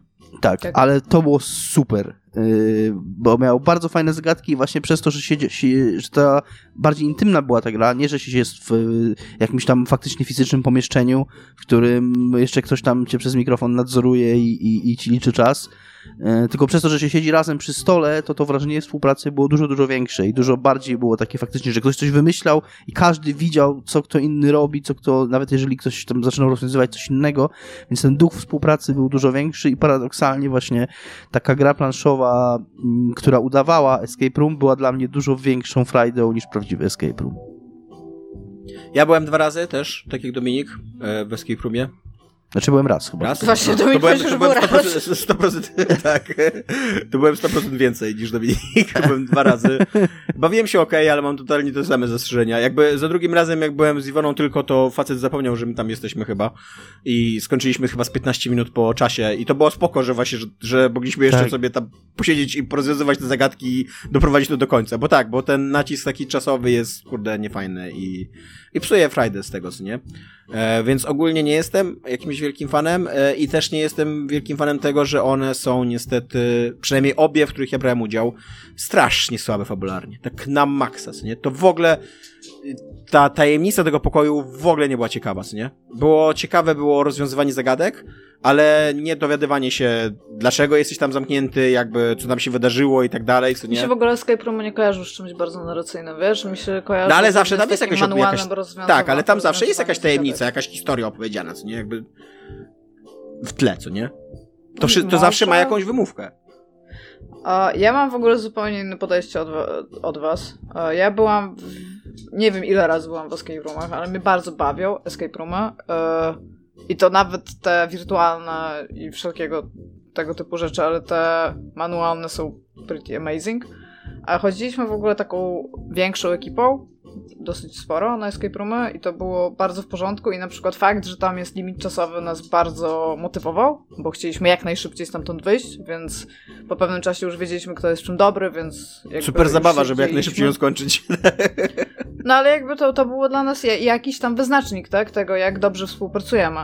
E, I w ogóle też muszę powiedzieć, że ja w ogóle z tą ekipą poznałam się przez to, że w pracy nas wzięli na escape roomy jako integrację. I moim zdaniem nie ma lepszej integracji niż wpuścić grupę losowych ludzi, którzy się nie znają do escape roomu. Jakby wychodzisz stamtąd po tej godzinie albo coś takiego i ty realnie masz już bardzo dużo do powiedzenia na temat faktu, jak się z tymi ludźmi współpracuje i co, jacy oni są. W sensie tak nawet pobieżnie do tego, czy chcą współpracować, czy nie. Byłem raz służbowo w Escape Roomie i nie uważam, żeby to był dobry pomysł na integrację, ponieważ to nie jest rozrywka dla każdego, w której każdy się odnajdzie. I jeżeli się nie odnajdziesz, to jesteś przez godzinę zamknięty w pokoju i, i kiepsko się bawisz, jakby, nie? To właśnie przez to, przez formę tego, to jest taka dosyć opresyjna rozrywka dla ludzi, którzy się nie odnajdują w tym, moim zdaniem, co nie? To nie jest tak, że możesz po prostu wstać od stołu i odejść, co nie? I powiedzieć, dobra, wy się tu pobawcie, co nie, ja tam sobie zapalę papierosy na zewnątrz. Też nie wiem, czym chciała pracować z takim człowiekiem na przykład, więc wciąż wow. sądzę, że, inte, że integracja jest tutaj całkiem spore, spoko do pracy. E, co, co, co jeszcze chciałam powiedzieć, to jest fakt, że rozumiem wasze argumenty, e, w sensie, jeżeli chodzi o tą presję czasową e, i wydaje mi się, przynajmniej zwykle jak ja jestem, to mieliśmy taką opcję w kilka razy, że mówili nam, że, że jakby, że mogą wyłączyć zegar. Iga, co jest grane Dominik. u ciebie? O kurde, fajnie, że pytasz, Dominik, e, bo ja ja bardzo często mówię o tym, że sobie bardzo cenię gry w koopie multiplayer z grupami tam znajomych, które posiadam. I ostatnio udało mi się wpaść w nową grupę ludzi, którzy grają w gry i jestem super podjarana. Nie bo... byłaś kiedyś w grupie ludzi, którzy grają w gry? Nowa grupa Ja pierdzielę. Nowa, nowa grupa ludzi. I bardzo fajna w ogóle. I się super bawię i tam i jest zarówno bardzo tak fratbojowa, ale też bardzo wholesome. Z jakiegoś powodu udaje mi taki jest super idealny balans. Fratbojowa, ale bardzo, bardzo wholesome. Iga, tak. jest to jakoś po polsku. No, jest bardzo taka atmosfera y, szatni, tak, szatni. tak, gimnazjalnej, ale też przy okazji e, wszyscy są dla siebie bardzo mili i bardzo czuli, jak to wymaga cokolwiek. Jak w męskiej szatni. Bardzo... Ja nie wiem, co sobie wyobrażasz, co się dzieje w męskiej szatni. Mi się wyobraża, że w męskiej szatni y, Że co, chodzą... żeby tam nago w ogóle... Nie, z takimi ręcznikami tylko. I ale przy okazji macie jeszcze jeden ręcznik w ręku, żeby napierniczać się, tym, tak? tym ręcznikiem. I że zawsze jest taki typ, który to bierze trochę, y, jakby trochę za daleko i on przychodzi ze skarpetą i ma w środku mydło i zaczyna to machać. Wow. Jezu, jaka to jest rozbudowana magnesja. I z jakiegoś powodu jest przynajmniej tak. pięciu ludzi, którzy cały czas psikają aksy tym dezodorantem, bo tak śmierdzi to szatnie tak, zawsze. i na końcu się tak walimy po klatce jak, jak te, jak goryle. Goryle, no. co nie? I mówimy ape good, ape good. ape together strong. Tak, ape together strong, dokładnie. Ale to tylko dowódca mówi, ten właśnie ten koleś, co ma tą skarpetę z tym. Ja myślałem, że to nie jest dowódca, tylko to jest ten typ, co jakby... No jest to jest goryla alfa, no. Nie, że jest czasami taki typ, y, że na przykład wszyscy, jest jakiś tam wewnętrzny dowcip i wszyscy rozumieją ten dowcip, a jeden ziomek przenosi ten dowcip jakby za taką linię która nie jest wyznaczona tak, że ktoś nie Iga, nic nie wiesz o męskiej szatni. Jakbyś raz została skarpetą z mydłem, to byś wiedziała, kto jest gorylem alfa. No dobrze, no. ale to w każdym razie mamy tę atmosferę męskiej szatni, ale też właśnie mówię, to super, y, super, super się dobrze bawię. A gramy sobie w barotraumę, ponieważ tak jak mówiłam, e, dostałam ostatnio ileś rzeczy, które mają mi przypominać o tym, jak bardzo się boję podmorskich głębin.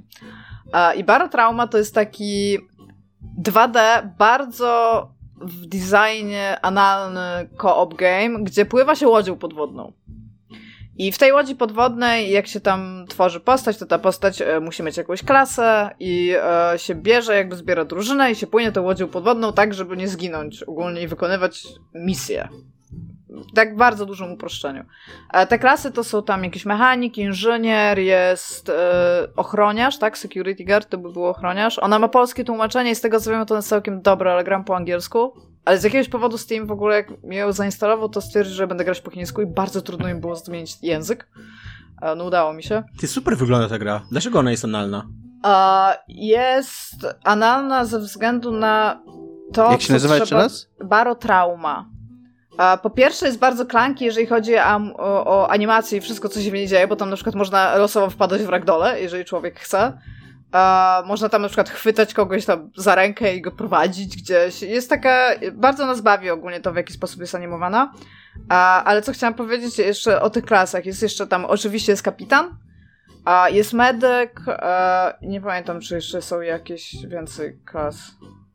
Musiałabym. Zaraz może mi przypomnieć. W każdym razie ja, patent jest taki. Karny kutas za to, że grasz w grę, która ma 35 tysięcy recenzji, nie? No. Jeszcze się dobrze bawię. No, to już. A patent polega e, jakby na tym, że każda postać, którą, którą masz, może robić praktycznie te same rzeczy, ale mają inne statystyki, więc o, oczywiście mechanik będzie szybciej i lepiej naprawiał rzeczy, tak? A tam inżynier, jeżeli będziemy craftować rzeczy, to będą lepszej jakości na przykład, tak? Bo oczywiście, że to jest crafting game. Jakby to jest ni, nic tutaj dodać, nic ująć. E, I jakby to wygląda trochę w taki sposób sama rozgrywka, że zaczyna się z jakiejś stacji, na której się ostatnio skończyło misję, lub w ogóle zaczyna się z pierwszej stacji, jakby po lewej stronie mapy. Tam jest taka mapa trochę jak w FTL-u, że trzeba pływać pomiędzy miejscami, wykonując misję. E, my tam gramy na jakimś w ogóle nie za super skomplikowanym poziomie trudności, żeby się tego nauczyć, bo mówię, ta gra ma dosyć dużo zasad, których trzeba się trochę domyślić. Tutorial jednak nie mówi ci o wszystkich rzeczach. I będąc na tej stacji, ona jest w ogóle też bardzo narrative heavy, tam jest bardzo, bardzo dużo narracji. Będąc na tej stacji możesz rozmawiać z pewnymi ludźmi, którzy ci dają jakiegoś rodzaju zadania do wykonania. Tam są dwa rodzaje kultystów na przykład, e, którzy chcą się przemieniać w takie y, stworasy, ogólnie przez cały czas tego, jak pływasz, to cię też atakują różne podgłębinowe stworzenia. I jeden był taki wielki, że po prostu uciekł. Realnie, jak go zobaczyłam przez batyskaw, to ściągnęłam słuchawki, wstałam z krzesła i poszłam do drugiego pokoju to rozchodzić, bo się tak przestraszyłam. I tak przez jakieś cztery dni śniło mi się, że jestem na łodzi podwodnej i dosięga mnie barotrauma, bo barotrauma się zaczyna w momencie, kiedy łódź zaczyna nabierać wodę, jesteście na zbyt... Yy, jakby jesteście zbyt nisko i ciśnienie was po prostu miażdży. Centralnie można wybuchnąć w tej grze tam jeżeli do czegoś takiego dojdzie. No i w każdym razie bierzecie sobie jakąś misję i płyniecie z, to, z, punktu A do punktu B, wykonując tą misję. I potem jesteście w kolejnym jakby miejscu, gdzie są inne zadania i też możecie sobie kolejne misje brać. W ten sposób zarabiacie pieniądze, możecie ulepszać e, okręt, albo kupować konkretnego rodzaju zapasy. I to jest teraz, to jest taki fajny system pensji, że jakby za wykonanie misji załoga, czyli kapitan tutaj, dostaje pieniądze i on wyznacza pensję. Więc obviously, jeżeli robisz coś, co może się nie spodobać kapitanowi, to może ci w połowie twojego tam zadania zmniejszyć pensję tam o 10% na przykład. Wtedy dostaniesz bardzo mało.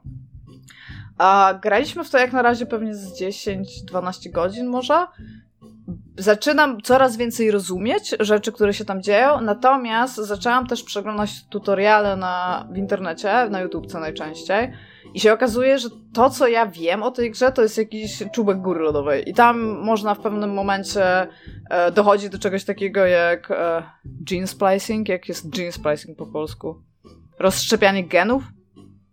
W sensie, że można realnie wpływać genetycznie na ludzi tam na przykład, żeby mi skrzela i żeby tam szybciej, żeby łatwiej tam się oddychało pod wodą albo zdobywało więcej tlenu albo coś takiego.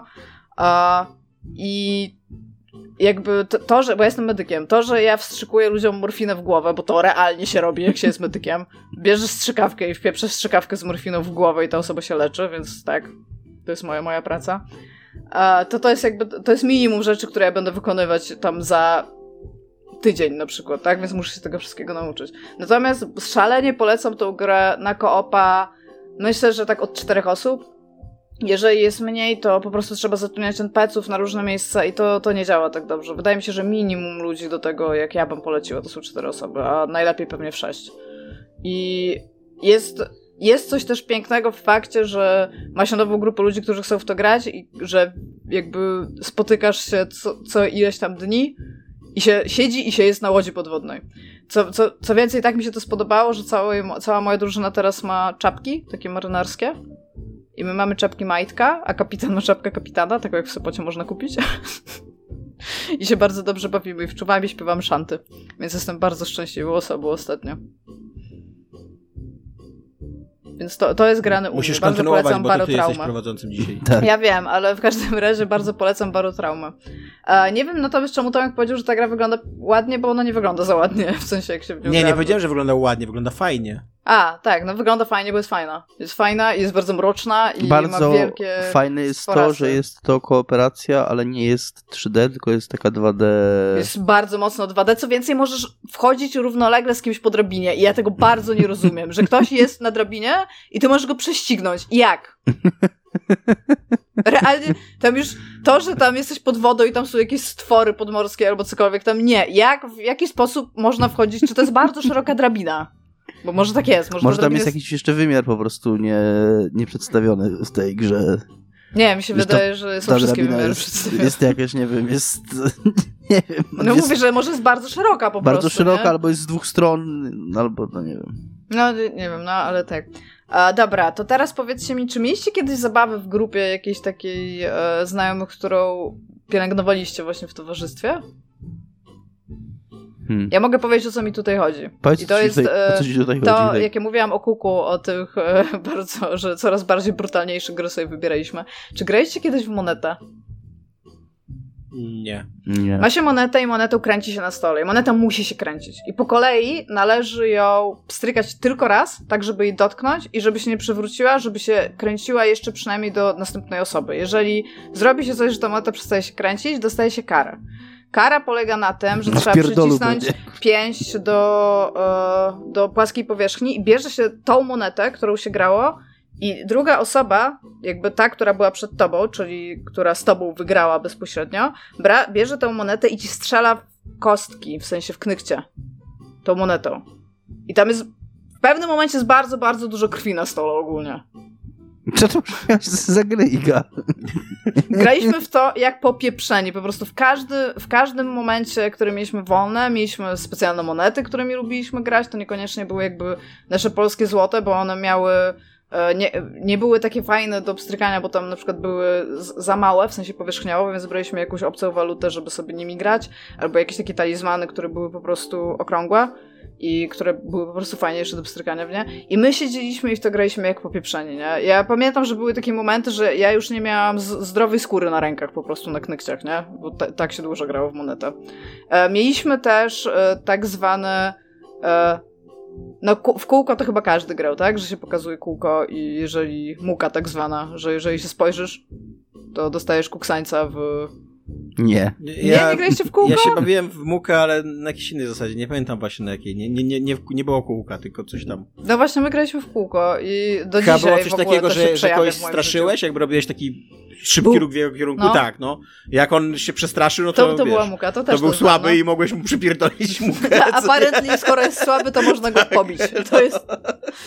E, I jeszcze, e, ale to, to krótko, aczkolwiek strasznie mi bawiła ta gra i to jest takie coś, co. Ja nie wiem skąd to wynikło, to chyba z Reddita było. Nawet nie zaczynaj.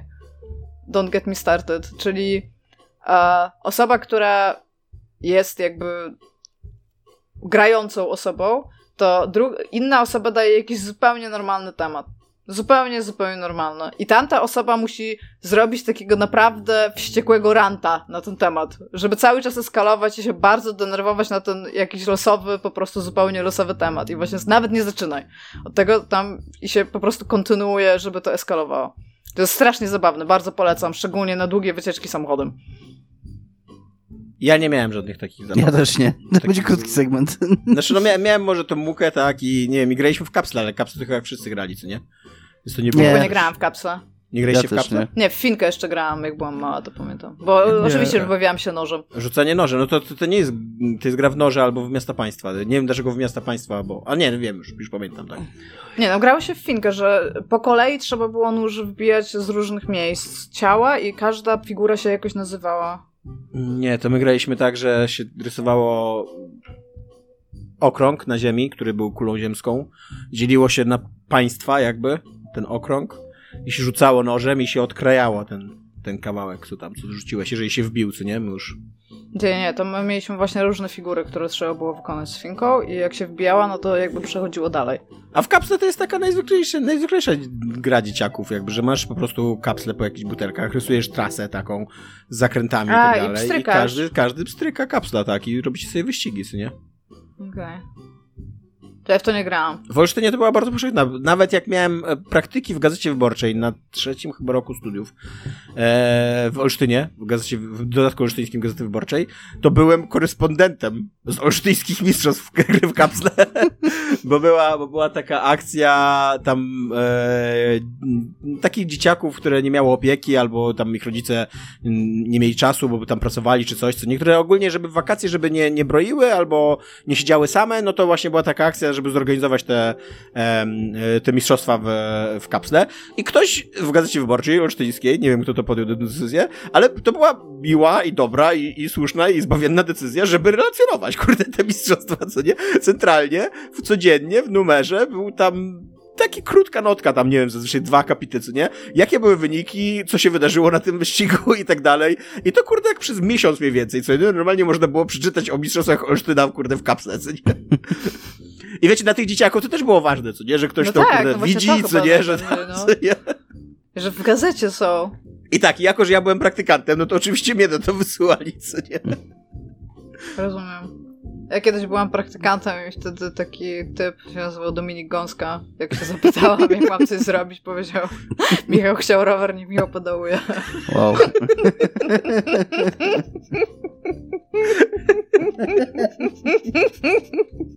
Ok okropny typ. Okropny. E, dobra. E, pomysły na takie drinking game niezatopialnych, albo takie bingo, bym powiedziała. E, czyli kiedy słuchacz powinien pić albo zakreślić pola. Ja mogę swoje typy przeczytać. No. E, jak mylimy przysłowie. e, jak zastanawiamy się nad odmianą jakiegoś słowa. Też uważam, że to się dosyć często pojawia. A jak, jak Dominik mówi o matematyce lub fizyce.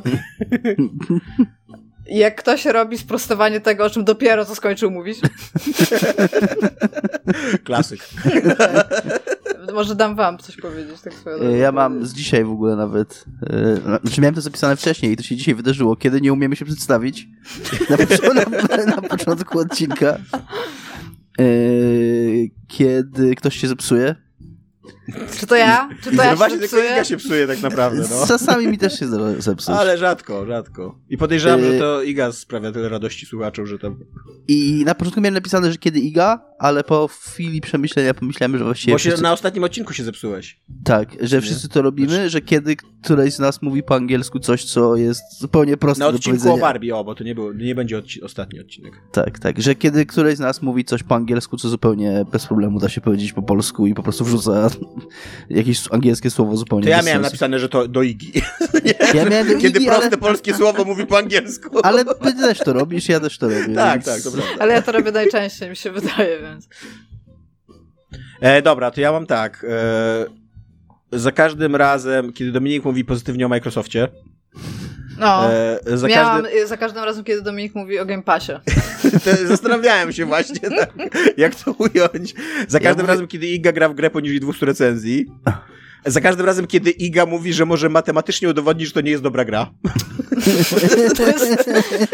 Ale wiesz, co mi się podoba, bo ja to mówię zaskakująco często w moim życiu. Nikt nigdy nie powiedział, proszę udowodnij. Bo jakby plot twist, nie byłabym w stanie najprawdopodobniej matematycznie czegokolwiek udowodnić. E, za każdym razem, kiedy ja mówię, że przepraszam za to, że zarżnę czyjeś nazwisko, czy jest niepolskie nazwisko, a później je totalnie zażynam. Zwykle E, mówisz zgwałcę. no to może zgwałcę, dobra, niech A. będzie. E, e, e, e, z, z, jed, jeden kielich za każdą grę, w którą aktualnie gra Dominik. Z dodatkowym, dodatkową zapojką w postaci browara za każdą platformę, na której obecnie gra Dominik. To mi się wydaje, że to jest jedna runda i wszyscy są nawaleni. To jest krótka gra. E, no, to tyle mam. Iga, masz coś jeszcze? Nie, no właśnie miałam, że za każdym razem, kiedy Dominik mówi o Game Passie. Ale pomyślałam, że y, też któryś z was to pewnie ma. Więc tak. Ja w ogóle sądzę, że po... ja bym chciała zobaczyć to bingo. Jeżeli macie więcej kandydatów do bingo, to dawajcie. Jeszcze jeden kielich za każdy odcinek Niezatopialnych 299. O Jezu, to już nikt nie żyje. Jest po prostu śmierć kliniczna wszystkich słuchaczy. A, dobra, e, gry w barze, w barach takich, w pubach w sensie. Albo w miejscach, gdzie po prostu można się napić browara i tam są takie klasyczne. Ja mam deklarację polityczną na ten temat. Mogę zacząć Słucham. ten temat? Tak, ch- chyba. czy, czy ja trochę się boję, no. Nie lubię gier barowych. Jakby jestem przeciwnikiem gier barowych. E, Uważam, że... barowe w ogóle, ja nawet nie... No, jakieś takie quizy. Nie, ja raczej myślę rzutki, No, no bilard. tak, no ale to chciałem powiedzieć. Rzut, quizy, rzutki, bilard i tak dalej, nie? Jestem przeciwnikiem gier Quizów barowych, też nie lubię. ponieważ uważam, że bar, pub, którego jestem wielkim, wielkim e, fanem w ogóle, instytucji baru, pubu i, i, i takich tam, nie? Że one tworzą unikalną e, okazję do nawiązania sytuacji dialogowej z drugim człowiekiem. Jakby rozmawianie przy stole, nad piwem najlepiej, z drugim człowiekiem albo z grupą innych ludzi, drugich człowieków. To jest jedno z największych osiągnięć ludzkości. Jakby. I to znamy to w ogóle też od czasów w ogóle starożytnych, co nie? Jakby. I zepsucie tego, jakby ja nie potrzebuję nic więcej. Mi wystarczą ludzie, bar i piwo, albo jakieś inne napitki. Niekoniecznie, żeby się upić, ale wiadomo, że tam alkohol trochę pomaga rozwi- rozwiązać język, nie? Ale jak ktoś nie chce pić, to też spoko, nie? Ale właśnie siedzenie przy stoliku, w takim gwarze, którego można przekrzykiwać, ale też nie trzeba czasem przekrzykiwa- przekrzykiwać. Jak nie trzeba, to lepiej, nie? Słuchanie jakiejś tam muzyki, która leci gdzieś tam z radyjka, chodzenie po kolejne piwa i gadanie i tak dalej, to jest sytuacja życiowo idealna. I jakieś wszystkie bilardy, jakieś kurde ping-pongi, jakieś tenisy stołowe, jakieś, nie wiem, siatkówki w tym barze, Ping-pongi, tenisy stołowe, pingle. To wszystko, to wszystko to jest. To jest zepsucie tego, co działa, co nie? Jakby to przy, przyszli ludzie z tym bilardem i z tymi rzutkami i z tymi kurde quizy, quizy, quizami, quizami y, barowymi. Quizów I nie on- lubię, bo quiz psuje to dokładnie co tym. Oni Ja- do doświadczenia 11 na 10 chcieli dodać 12 punkcik. I to, to Tomek, nie działa po prostu. Masz Ale rację. ja się zgadzam z tobą, Tom. Przepraszam, ja tutaj zaczęłam mówić i ja teraz skończę mówić. E, ja się z tobą zgadzam, aczkolwiek myślę, że quiz to jest zupełnie cokolwiek, to jest zupełnie coś innego niż darty i billard, bo jakby darty i billard nie musi, możesz przyjść do pubu i tego nie używać. Ale jak jest quiz w barze i ty nie chcesz w nim brać udziału, to ty im przeszkadzasz w jakimś tam znaczeniu, prawda, więc tak. wtedy nie możesz tam siedzieć. I to jest, to jest gówno straszne. I tego po prostu nie lubię i nie akceptuję. A, Ja chciałem powiedzieć, że się zgadzam z Tomkiem, z jednym wyjątkiem. Piłkarzyki. Piłkarzyki są piękne, dobre i właściwe i wspaniałe. Ja od czasu jak mieliśmy w Nie, ja poprzednim nic biurze piłkarzyki i po prostu zobaczyłam, że piłkarzyki to jest taka rzecz, której akurat negocjowanie zasad nie lubię to. W sensie, jeżeli gramy w piłkarzyki, to gramy w piłkarzyki tak, jak ktokolwiek chce. I w momencie, kiedy są, zaczynają wchodzić te zasady, że nie można nimi tak bardzo agresywnie kręcić, to dla mnie ta gra totalnie traci sens. Jakby Czy to jest. ym, jako człowiek, który spędził kilka lat w wirtualnej Polsce przy, przy piłkarzykach, podejrzewam, że z 8 lat mojej wirtualnej Polsce ze 4 spędziłem przy piłkarzykach. Tak samo, no. To jest tak, że y, dopóki grają ludzie bez wielkiego skilla, to spoko, to, to niech właśnie napierdzielają te młynki i tak dalej, to ma sensu, nie? To jest zabawne i chaotyczne i tak dalej. Ale jak zaczynają grać ludzie, którzy mają skilla, to te to młynki psują zabawę po prostu, dlatego się nie robi młynków, nie? No ale jakby ja w to nie wierzę, że to psuje zabawę. Bo nie ja masz grałam skilla.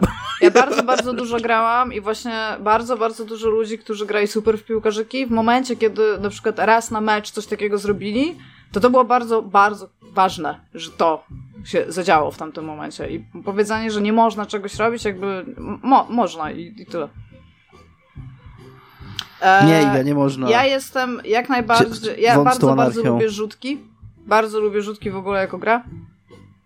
A kręgle również lubię. Billard jest ok, ale tutaj chciałam opowiedzieć historię, w której. Ja, ja kiedyś bardzo dużo grałam w billard.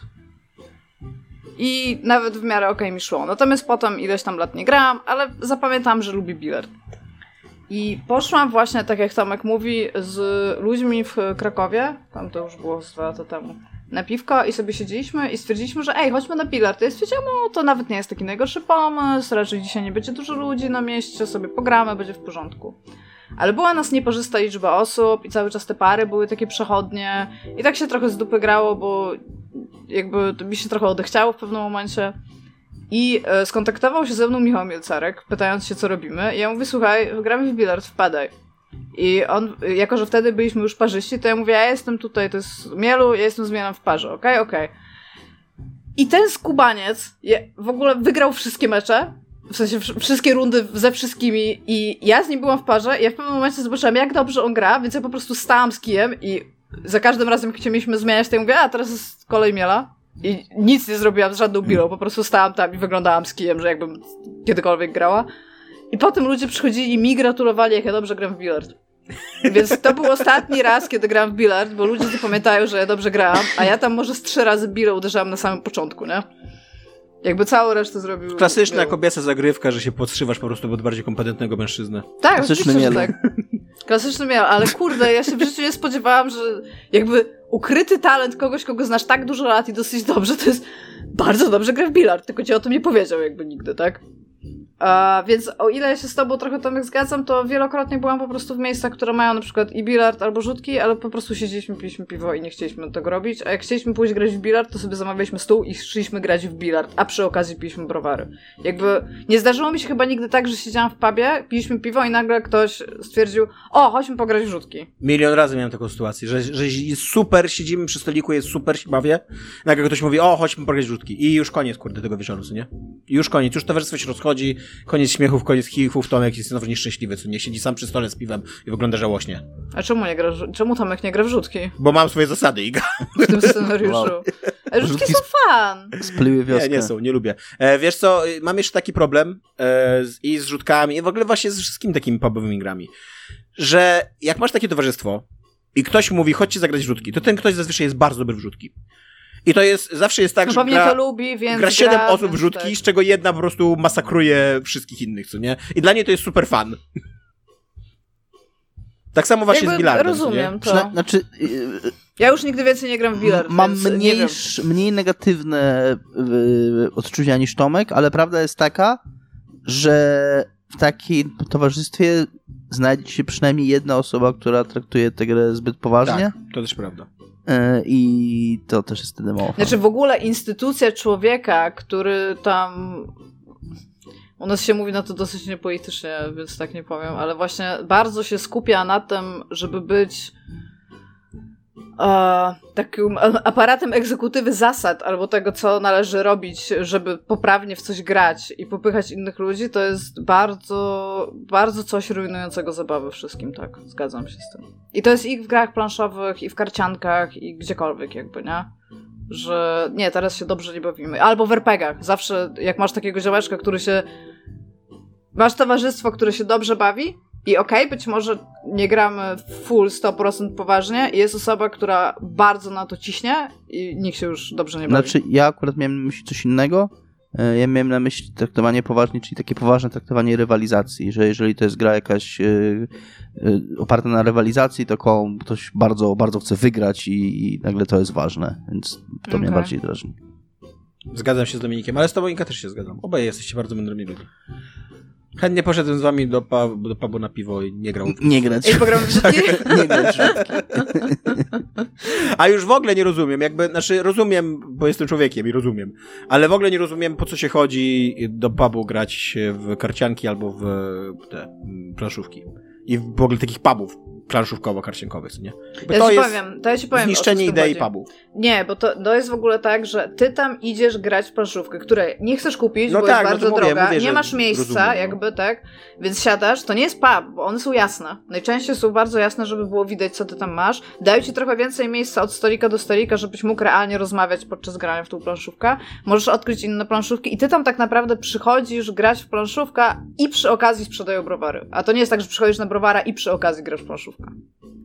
Więc to jest chyba taka idea.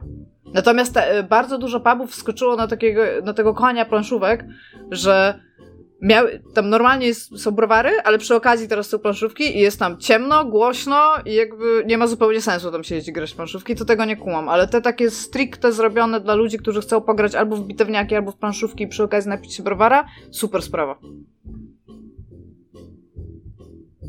Więc tak, to, są, to jest koniec pytań, które przygotowałam.